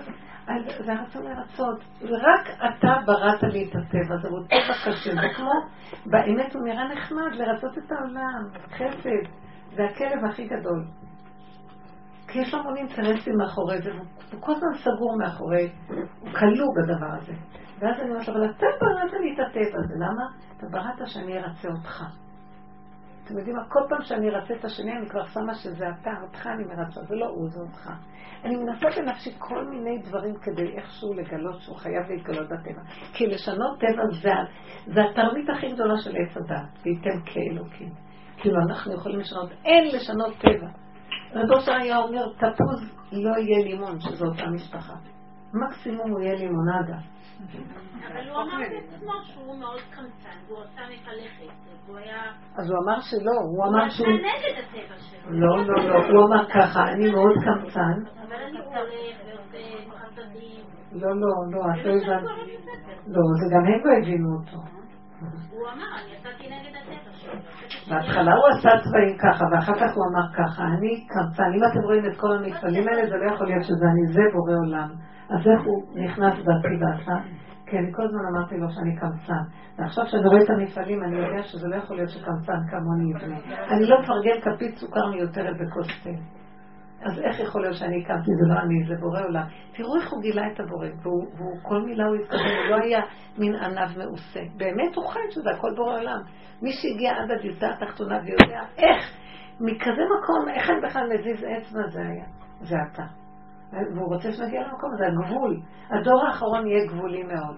אז או שאנחנו נתאבד, כנראה שאנחנו גבולים ונהיה במסכנות ונהיה במצב של חולי נפש, זה גם חלק מההתאבדות, או שאנחנו נגיד לבורא עולם, או שנלך בצד השני, תמיד יש שלוש אפשרויות, או שאנחנו ניפול בדיכאון של זה, כצדת רע, או צדת טוב, נתגבר, אנחנו לא גבולים, תראו, תראו מה אני יכול לעשות בעולם, אני אכבוש את כל העולם, כוחנות, גאווה. או שאנחנו נלך וניקח את הנתון ונגיד, אליך זה הכל אתה, רק אתה תמלוך במציאות הזאת.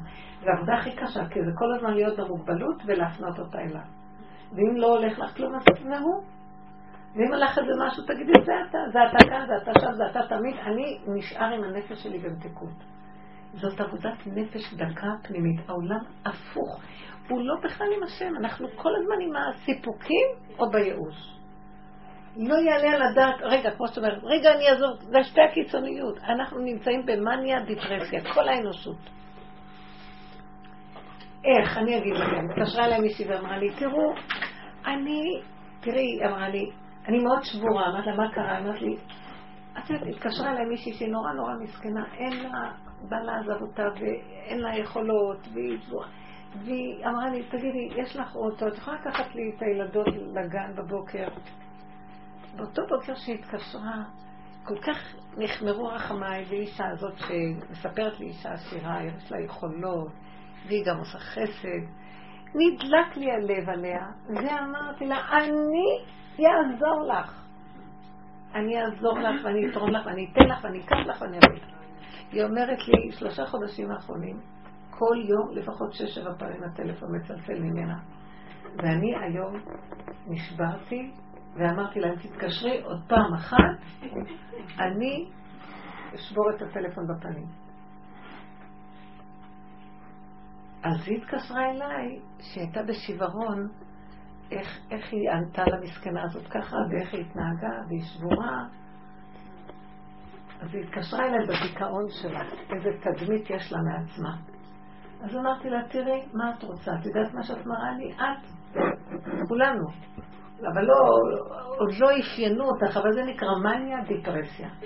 איך שהיא התקשרה אלייך, המניה עלתה לך של החסד. אני פתאום היה לך איזה רוח טובה, ולא חיית את הסכנה. שתזהרי מההתרחבות יתר, היא רק ביקשה שתקחי לה את הילדים בשעה הזאת עכשיו. התנדבת לזה ולזה ולזה ולזה ולזה, והיה לך רוח טובה, וחשבת, מחר, אחרי כמה זמן עזבה אותך הרוח הזאת, ונתקעתי לאיזה מצב ש... אז מה עשית? הלכת לדיפרסיה. ואמרתי לה, כולנו עושים בדיוק את אותו דבר, ואנחנו לא חיים, זה המחלה של עץ הדעת לא ורע. אה? והנקודה שלנו להתבונן ולהגיד, לא מניה ולא דיפרסיה, קו האמצע.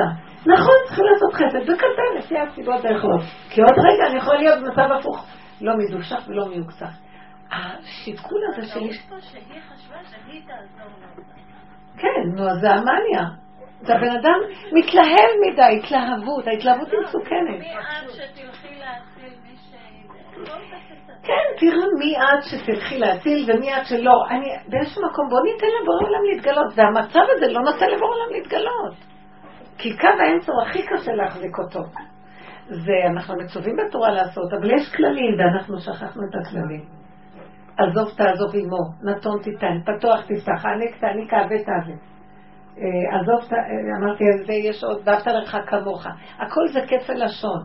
היסוד הראשוני אומר ככה, שמת לב למצב היסודי שלך, משם, אם את רגועה ואת יכולה, בקטנה, את קשורה עם נפשך, משם תתני, תתני לעצמך, תתני לשני. התגדה, ההתלהבות זה לצאת מהיסוד שלך, ועכשיו, במוח הרחב, את כל יכול לרגע אחד, ובאמת זה יכול לעבוד. יש רגעים של התלהבות, זה מזעזע, מה שאנחנו יכולים לעשות ברגע הזה. אחר כך למחרת הכל נופל על הצד השני. אז המקום שלנו זה לפחד מהמקום הזה. ולהיות בשיקול של האמצע ולהגיד, אני יותר טוב, רבו שלנו, יותר טוב שתחיו את המוגבלות ומשם תצאו לתת קצת. אני אסובב סיבה, גם כן, גם במוגבלות מי יכול לעשות משהו, אם לא שהסיבה שסובבתי, אז אתם יכולים בסיבה שפתחתי לכם, וגם אתם לא עושים, אתם כבר נכנסים לאיזה דלת פתוחה שאני פתחתי, שלא תחשבו שזה אתם. זה איזון טוב. אז אני מתקיים בתוככם, יש לי קיום. אכלתם אותי, בלעתם אותי, והגדלו, והגאווה שלכם גנבה את הכל, ולא נשאר כלום. לכן הוא כל הזמן נשאר במקום של הלא יכול. מה, הוא לא יכול לפרגן עוד כפית סוכר? הוא חיפש איפה לא כל הזמן. לא יכול. אבל לא מול השני, מול עצמו ובוראו. ובמקום הזה השם נכנס ועשה את כל העסק הזה. כי הוא לא, אז אם כן, מי זה עשה? אבא זה אתה. ואנחנו בעולם, אני לא אעשה, אני בדיפרסיה. אז בואו נעשה, נעשה, נעשה, ואנשים במאניה של דיפרסיה. זאת אומרת, הם, הם כל כך מפחדים מהדיפרסיה שהם הולכים במאניות. מפחדים, זה מה שאת אומרת. נכון. אז הם בורחים כל הזמן. אז, אז פעם אחת זה תופס אותנו ומתמוטטים, כי אי אפשר להמשיך במהלך הזה. ולכן עבודתנו היא קו האמצע מתוך יסוד, דווקא יסוד השלילה. מתוך הפגם והשלילה זה הגבוליות של האדם. זה המקום של גילוי הקדושה והאלוקות. וזה סוד שעץ הדת, אין אותו בעץ הדת, כי הוא כל יכול, מדמה את עצמו לאלוקים, מה פתאום פגם? וזה הסוד של הגאולה, תשאר, אתה נוצרת נברא, ותמיד תישאר נברא. ואל תנסה להיות אלוקי וגדול. וכל הזמן ההתרחבות של שני הצדדים, זה המקום של הכאבים, והגלות לא נגמרת. הגלות תיגמר שאנחנו נעצור ונודה. אנחנו תקועים, תקועים במנגנון אכזרי. תרחם עלינו. וזה לא, זה לא כזה נורא, זה נראה כאילו איזו עבודה נוראית. לא, אם לא, אז יהיה לנו כאבים גדולים. אנחנו לא גומרים עם המציאות הזאת, כל הזמן באה איזו קיצוניות מקיצוניות לקיצוניות, כל הזמן. אז בואו נעמוד בקו האמצע, ונגיד לו את הגבוליות שלי. אני רואה איפה הפגם שלי בנושא של שידוכים, אני, אני רואה למה זה מתעכב, אני מחזיר אותי למקום שלי, כי ברגע אחד אני מתרחבת. איך שמוצאים לי ישר, את כן, וזה, וזה, וזה, והתנאים, ו... ישר אני רואה את הגאווה שלי, אני רואה את ה... ומהצד שני אני רואה את ה... את הייאוש שלי ואת הרגשי נחיתות שלי, ודבר והיפוכו, והמנגנון הזה מזעזע, איך הוא נראה. ואני לא, אני אומרת, עדיף לי לשבת בקו האמצע ולדבר עם השם, ורק כך. אבל אני נמצאת בקו האמצע, פתאום אני רואה איך הוא מפתה אותי, ופתאום אני ברגע אחד מוציאה את הראש. וואי, אמרתי לו, תשמע, מה אתה שנעשה? אז אני שומעת את הקול שלו. אני אחנך אותך להיות באיזון.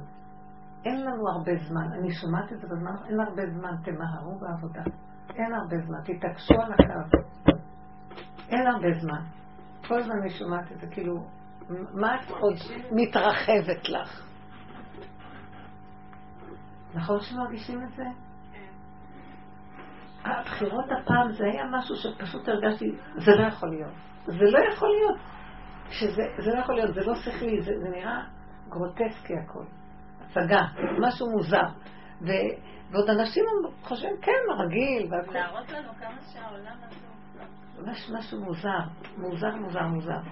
שום דבר לא הגיוני.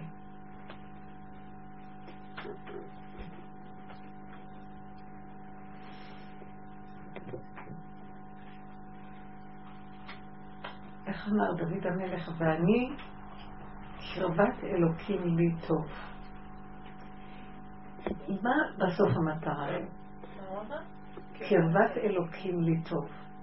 מה המטרה בסוף?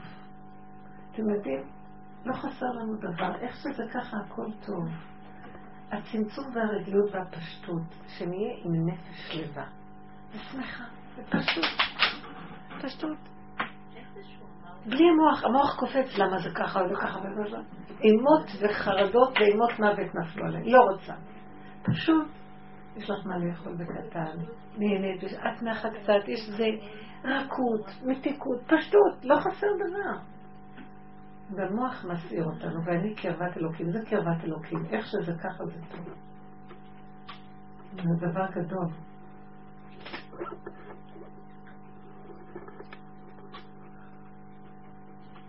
מה אתם שואלים? נגמר לי הדיבור. זה לא שככל שיש פחות יותר טוב? כאילו... זה הצמצום, זה מה שאני אומרת. אה, אפילו הייתי באיזה שיעור תורה, והיו שם נשים נשואות, והייתה שם איזה אחת שאין לה בעל. והייתה נראית הרבה יותר שלווה מהם, כאילו, היא התרגלה שאין לה. הם היו כל כך, לא, הם היו כל כך אה, זה, כאילו, ואמרתי לעצמי, כאילו, וואי, איזה ש... היא רגועה. היא רגועה יותר, היא רגילה להיות לבד, היא רגועה. אין לה ציפיות, אז גם אין לה אכזבות. מאוד יפה. שהיא אמרה את זה. לא, נכון? מאוד עדיף יפה. שלא יהיה. אם המוח שלה לא ישתלט עליה בדמיונות שלה, מה אין לי, ואז אני אייסר לה את הפשטות האמיתית איפה שהיא נמצאת, מה חסר לה בעצם? זהו, להגיע לדרגה שלה, לא לא חסר כלום. זה כל רגע נתון אנחנו יכולים להגיע לזה. אבל זה באמת קשה כשיש מולך מישהו שהוא קשה לך איתו ושהוא... את- אתם יודעים שזה מאוד מסוכן היום, הזוגיות. מאוד מסוכן העניין. הכל מסוכן. להגיע לחירות, אדם חייב להיות חזק לגלות את היחידה של עצמו. כי אם לא, הוא לא יכול לצאת לחירות עם הסובב שסביבו. כי זו מערכת שהיא פשוט מלאת שקר ושעבוד, ולא יכולים לצאת ממנה. מעט מאוד אנשים חיים, בעק- משתדלים עם העקרונות של האמת בבית שלהם, מאוד קשה. מאוד מאוד קשה. כי כל הזמן הם מחכים שהחברה תאשר אותם. יש לחץ חברתי. יש התנגדות לאמת. הדרך ש- הדרך הזאת, הדרך יותר דרך שנשים קולטות אותה. נכון. יש- יש התנגדות, יש התנגדות ל... ל- הגברים. תקשיבי, הגברים דווקא הם לומדים תורה ויש להם... אנחנו יותר אולי צריכות, כי אנחנו, בגלל שהרגש שלנו, בגלל הבלבולים של הראש שלנו. אבל הם, לפעמים הם יכולים לשטוף כלים בלי הרבה בעיות. אני רואה בבתים. הבעל שוטף כלים והאישה עושה מזה כזה סיפור. למה היא עושה מזה כזה סיפור? כי המוח שלה מתרחב. והבעל לא מתרחב, ואז את רואה אותו פועל הרבה יותר ועושה הרבה יותר. לא, זה ברור, העבודה הזאת מתאימה לנו כי- יש לנו את המקום של התוהו, עבודה על התוהו, על המידות והצבעים. אם הוא לומד תורה, אז הוא במקום אחר, אבל גם אם הוא לומד תורה, יש שם בעיות. יש במידות הרבה בעיות.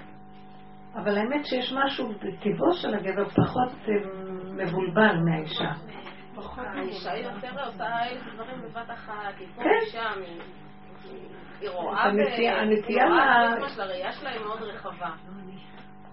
זה לא טוב שלא תהיה רחבה. אז אנחנו עובדים על צמצום, רק שלנו. הצמצום, כמו שהיא אמרה. זה עבודה שלנו, הצמצום. זה הבריאות. זה צמצום. אז זה לא כמות הדברים. באמת, אבל אני גם ראיתי יותר מדי פעולות, אני לא יכולה לה- להיות בחירות שלי, כי זה עבדות מסוימת. עובדה, המלאכות עושות, מלכה לא עושה הרבה פעולות. גם יש לה ילדים, אז יש לה מילות. טוב, אה, כדי להיות במלכות, אי אפשר להיות בשעבוד של הפעולות, יותר מדי עבודות וכפייתיות, עבודות כפייתיות ואין אין לך ברירה, וזה מאוד, זה לא טוב. איך גבר מסוגל ללמוד, לשקוע בלימוד שלו ולא לראות משהו מסביב? כי אין לו את הרחבות הזאת שיש לאישה. אין לו שום הוא. עושה משהו, אז הוא בתוך המשהו. כי היא. שייכת במילי דעלמא. הוא במילי דשמיא. מילי דעלמא זה קשה מאוד להיות בעולם. קשה מאוד להיות עם אנשים. האנשים הם המקבילים הכי גדולים של הבן אדם. מצד אחד, אם הוא משתמש בהם נכון, הם ירוממו אותו לנקודה. אבל אם לא, זה המקום שהכי מוליך את הבני אדם לאיבוד. הקשר החברתי. כי אז נהיה שקר, הרבה שקר. אז איך הבן אדם החכם צריך... הוא יהיה בחברה, הוא יהיה במשפחה והוא לא שייך, הוא לא ימכור את נפשו לכל זה. אז הנה, התורה הציעה לגבר לברוח לתורה. הגבר היהודי בורח לתורה, אז כאילו יש לו משפחה, יש לו בית, יש לו זה, אבל הוא לא שייך לכלום. אז הוא יכול להתקיים בעולם, אבל בתוך העולם שימי אותו רגע. הוא לא מסוגל להחזיק מעמד רגע אחד. תני לא לשמור על הילד לבד. המשפחה יכולה להישמר רק אם הוא יברח לתורה. ממש. כי אחרת זה... הוא יתערבב לה במילי דעלמא, הוא ישגע אותה, והיא תשגע אותו. רבדים כל העולם, זה לא רק זה. בגלל זה בפנסיה יש הרבה...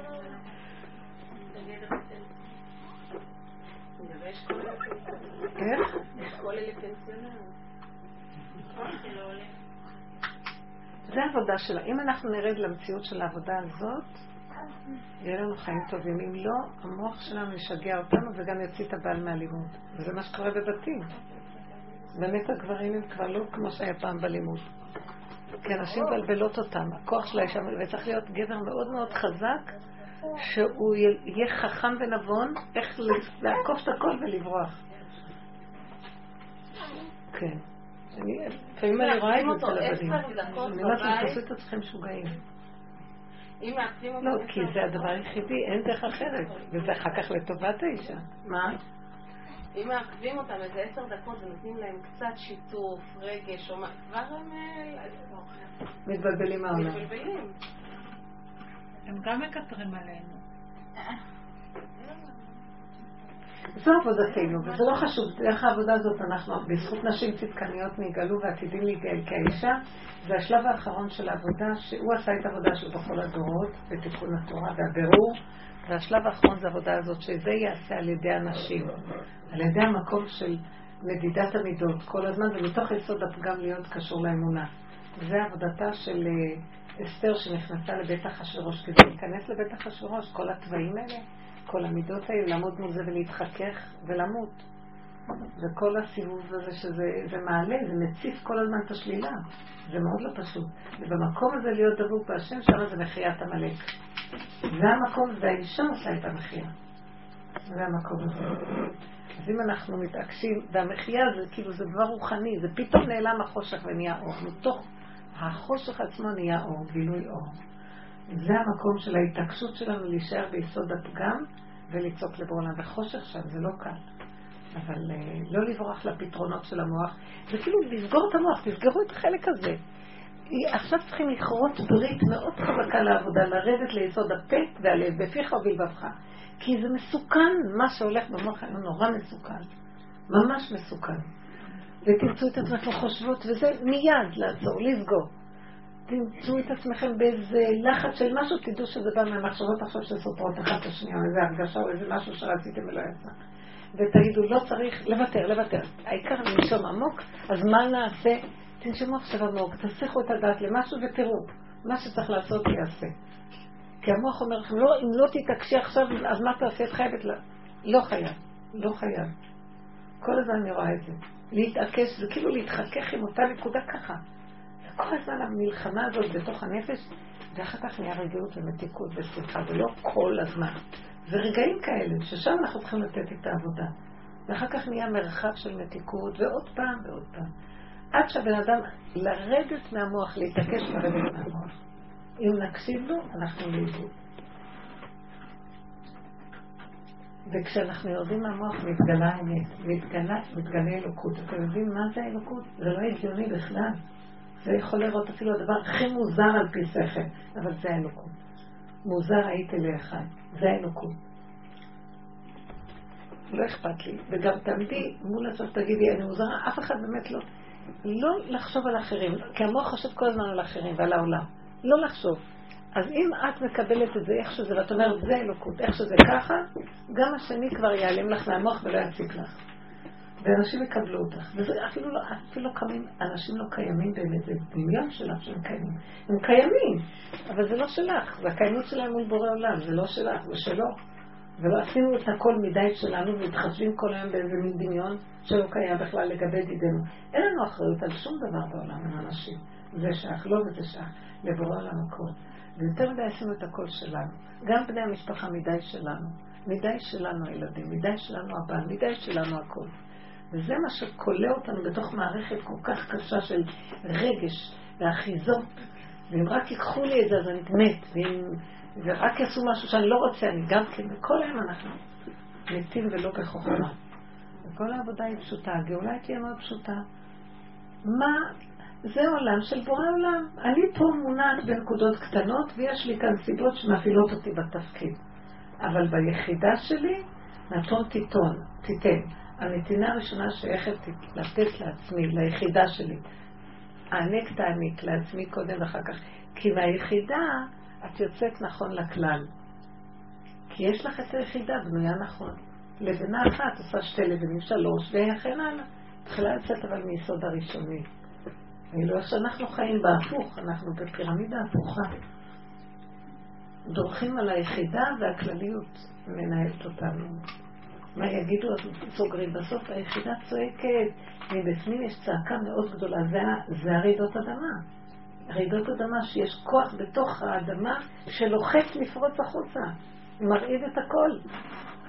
בדרך כלל זה הולך עם צונאמי, עם כל הרעידות אדמה. כי זה משהו שרוצה להתפרץ.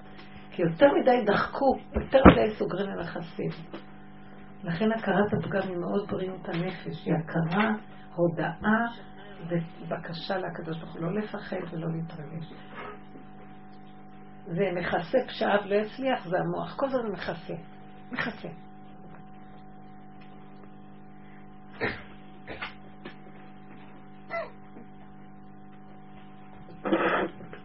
כשאמרתי לאותה אישה שיצאתי השכנה ואמרתי לה, תראי איך שזה נראה ברחוב, זה אנחנו, אז היא אומרת, לא, לא, לא להגיד לשון הרע, לא להגיד לשון הרע על עצמנו, ולא, פחדה שאני אגיד על מה שקורה.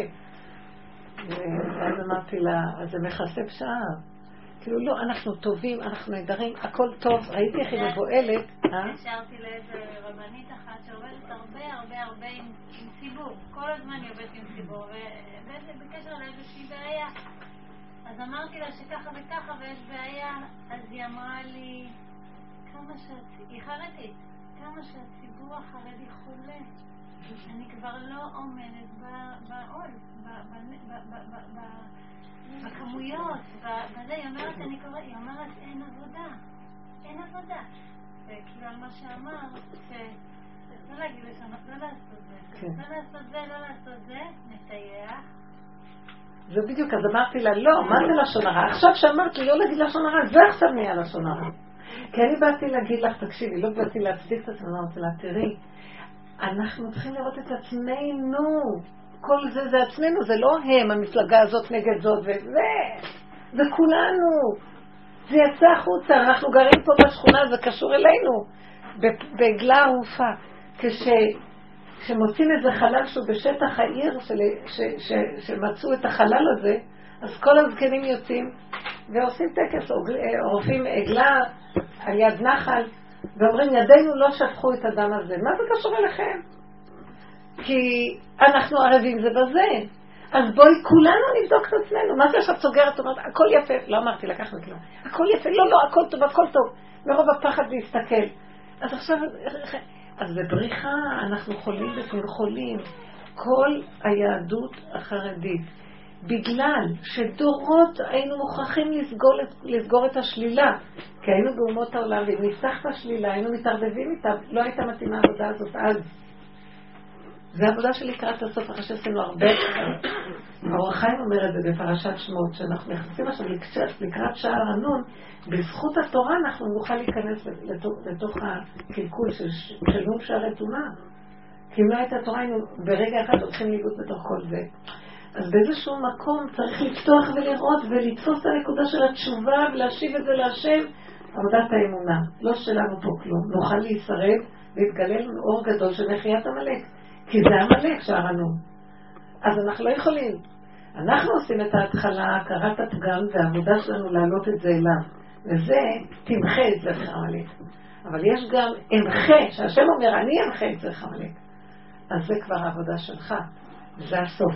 אני לא יכול, אני תקוע בתוך מציאות הגבולית שלי, והמוח הזה משגע אותי ואני לא יכול לו יותר דבר והיפוכו, הוא משגע אותי כי הוא רוצה שאני אהיה בישות ואני אתקן ואני אעשה, ובסוף שאני לא מצליח אני בייאוש, או שאני בגאווה דורך על כולם ואני כל יכול, וזו העבודה שעשינו בגלות, ושמתם לב מה קרה בדור האחרון, כולם כל יכול, אה, יהדות החרדים מכסה, והכל כל כך מושלם, מחפשים את השלמות בצורה חולנית.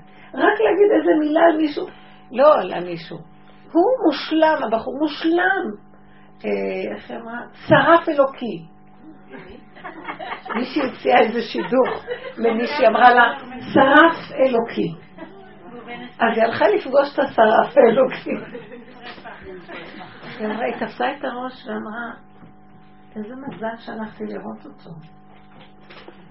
רגע, אבל איך הם נפגשו? אמר לה, את רבקה לא נתת השרף?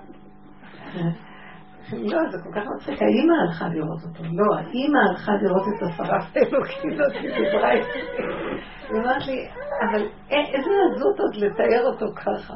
כאילו, החיוביות וזה, בסדר, יאללה, בוא נגיד שאנחנו רוצים לראות טוב בכל אדם. זה בסדר, ככה אנחנו צריכים לראות. לא את הפגם של השני, ברור. אבל בואו נראה כל אחד את עצמו, אז נהיה חברה קצת יותר בריאה, קצת נכיר ונודה ונצחק. פורים! מכסים והפחד, שמא יגלו משהו, בסוף חרבונות וחרפות וביזיונות. וזהו זה, וזהו זה. אני עומדת מולך בעולם ואני מתוודה את החרפה שלי. איזו גאווה יש לי בנושא של השידוכים, משוגעת. ואני אומרת לו את זה, ואני כל הזמן מפחדת מאותה גאווה, אומרת לו, אתה תמלוך בגאווה הזאת, כי זה רק אתה בראת את זה וזה אליך. ברגע אחד שאני רק טיפה מרימה את הראש, איזה סכנה, ואני אומרת לו עוד פעם לחזור. וברמה הזאת, שאני חיה בווידוי דברים אליו עם נקודת הפגם, אני יודעת שהוא יביא איתה בדיוק מה שצריך בזמן. אין לי, אין, זה הנפש נהיית במנוחה. במקום של האמצע נהיה רגיעות, מה, לא קשור אליי בכלל. ואם לא, הגאווה, זה קשור, לא, איזה כאבים יש לגאווה שעוד לא נתנו לה ולא הציעו לה ולא אמרו לה, זה, מה, גם זה משהו. איזה כאבים יש לזה, איזה שקר זה. ככה אנחנו חיים. חולי, לא רוצה, לא רוצה, לא יכולה לעמוד בזה. לא יכולה לעמוד, אנחנו לא לטטות. גם לא אין עניין לפרסם את זה החוצה, אבל בינינו לבין עצמנו לפחות. בינינו לבין בורנו. איזה נקי זה, איזה יופי, זה הפסיכולוגיה. ויש לנו אבא רחמן, ידיד נפש, הפסיכולוג הכי גדול. יש יותר טוב מזה, כשאדם הוא חושף, הוא יודע, הוא אומר, הוא עובד עם זה, בסוף הוא, הוא גם צוחק על עצמו איך הוא נשבר שהוא נפל, אז מה? כי זה הציון שלנו, אנחנו לא יכולים אחרת. המוח קופץ, הוא מתחיל אה, ל... לדון את הפגם. משוגע, מה אתה רוצה שאני אלוקית? אני נברא חסר, לא יכול כלום. כל רגע רעב רוצה לאכול. איזה אלוקות כזאת רוצה כל רגע לאכול. כל רגע רץ על השעון. פרעה חשב שהוא אלוקי. השרף. השם יזכה לנו, וזה הכנעה ומתיקות ושמחה, כמו ילדים קטנים ששמחים ונהנים ואוכלים טוב וישנים טוב, וזהו זה. האלוקות נהנית תדעו לכם, גם באלוקות יש אכילה. כן, כתוב שכל הקורבנות שאנחנו מגישים, הקורבן אישר ריח ניחוח להשם, שזה הולך למדרגות. מה, השם אוכל קורבן, הוא צריך את הקורבן, אבל זה הולך למדרגות בעולמות כדי, ל... כן? אם לא היה כדור הארץ פה, ולא היו אנשים אורגניים, לא הייתה יכולה להתקיים הבריאה שמעל האורגני, כי היא ניזונת מהאורגני. כן, מהם העליונים ניזונים מהתחתונים, והתחתונים גם נזקקים לעליונים, וזה תמיכה אחד בשני. אז זה הולך לאישה, שזה נקרא מלאכים של אישים. ריח זה סוג של מלאכים בעולם היצירה. אה, אישה ריח ניחוח זה מדרגת הבריאה, להשם זה מדרגת האצילות. כל העולמות ניזונים מהקורבן. אוכלים, זה אכילה מסוג אחר, אבל זה, זה צורך לקבל, וכל הבריאה ככה ברורה. אז מה אתה מתבייש שאתה הולך לשירותים? כאילו פרעה התחבא והסתתר. זה מצחיק, כן? וכל המציאות של הבריאה היא כל כך מושלמת, כל פעולה, הכל זה, הכל אלוקות וחי וקיים בהכנעה, במתיקות, בהתמעטות, וזה בריאות הנפש. לעומת הגאווה של הגדלות של הדת. אני גדול, אתה לא כל כך גדול. בסוף איך מבזים את כל הגדולים. כאילו יש לנו כבוד לגדולים, אבל אף אחד לא מכבד אף גדול. זה כבר נהיה אפילו הדבר מזה. השם יזכה לנו שיהיה לנו מתיקות של נחת רוח לחיות את הנשימה הזאת בהכרת הטוב וגילוי מלכות שמיים עלינו ברחמים. תודה רבה לתיקות שלי. כל טוב. תעבדו עם הכרת הפגמים שהשני מזמן לנו לראות.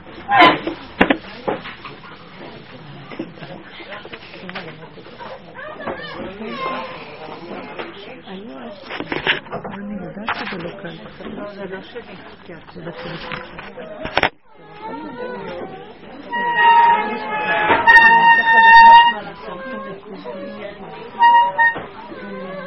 这样，我再看一看。תודה רבה.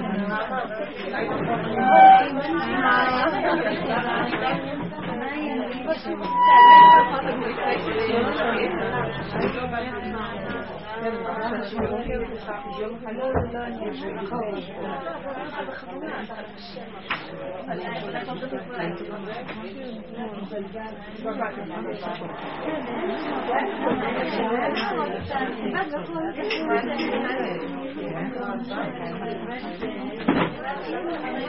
הם לא אצלך.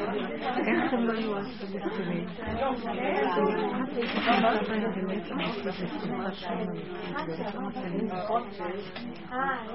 יודעים כאילו, זה משהו שאני לא ידעו שאני... את תכנית להתקשר לזה? כן, בבקשה.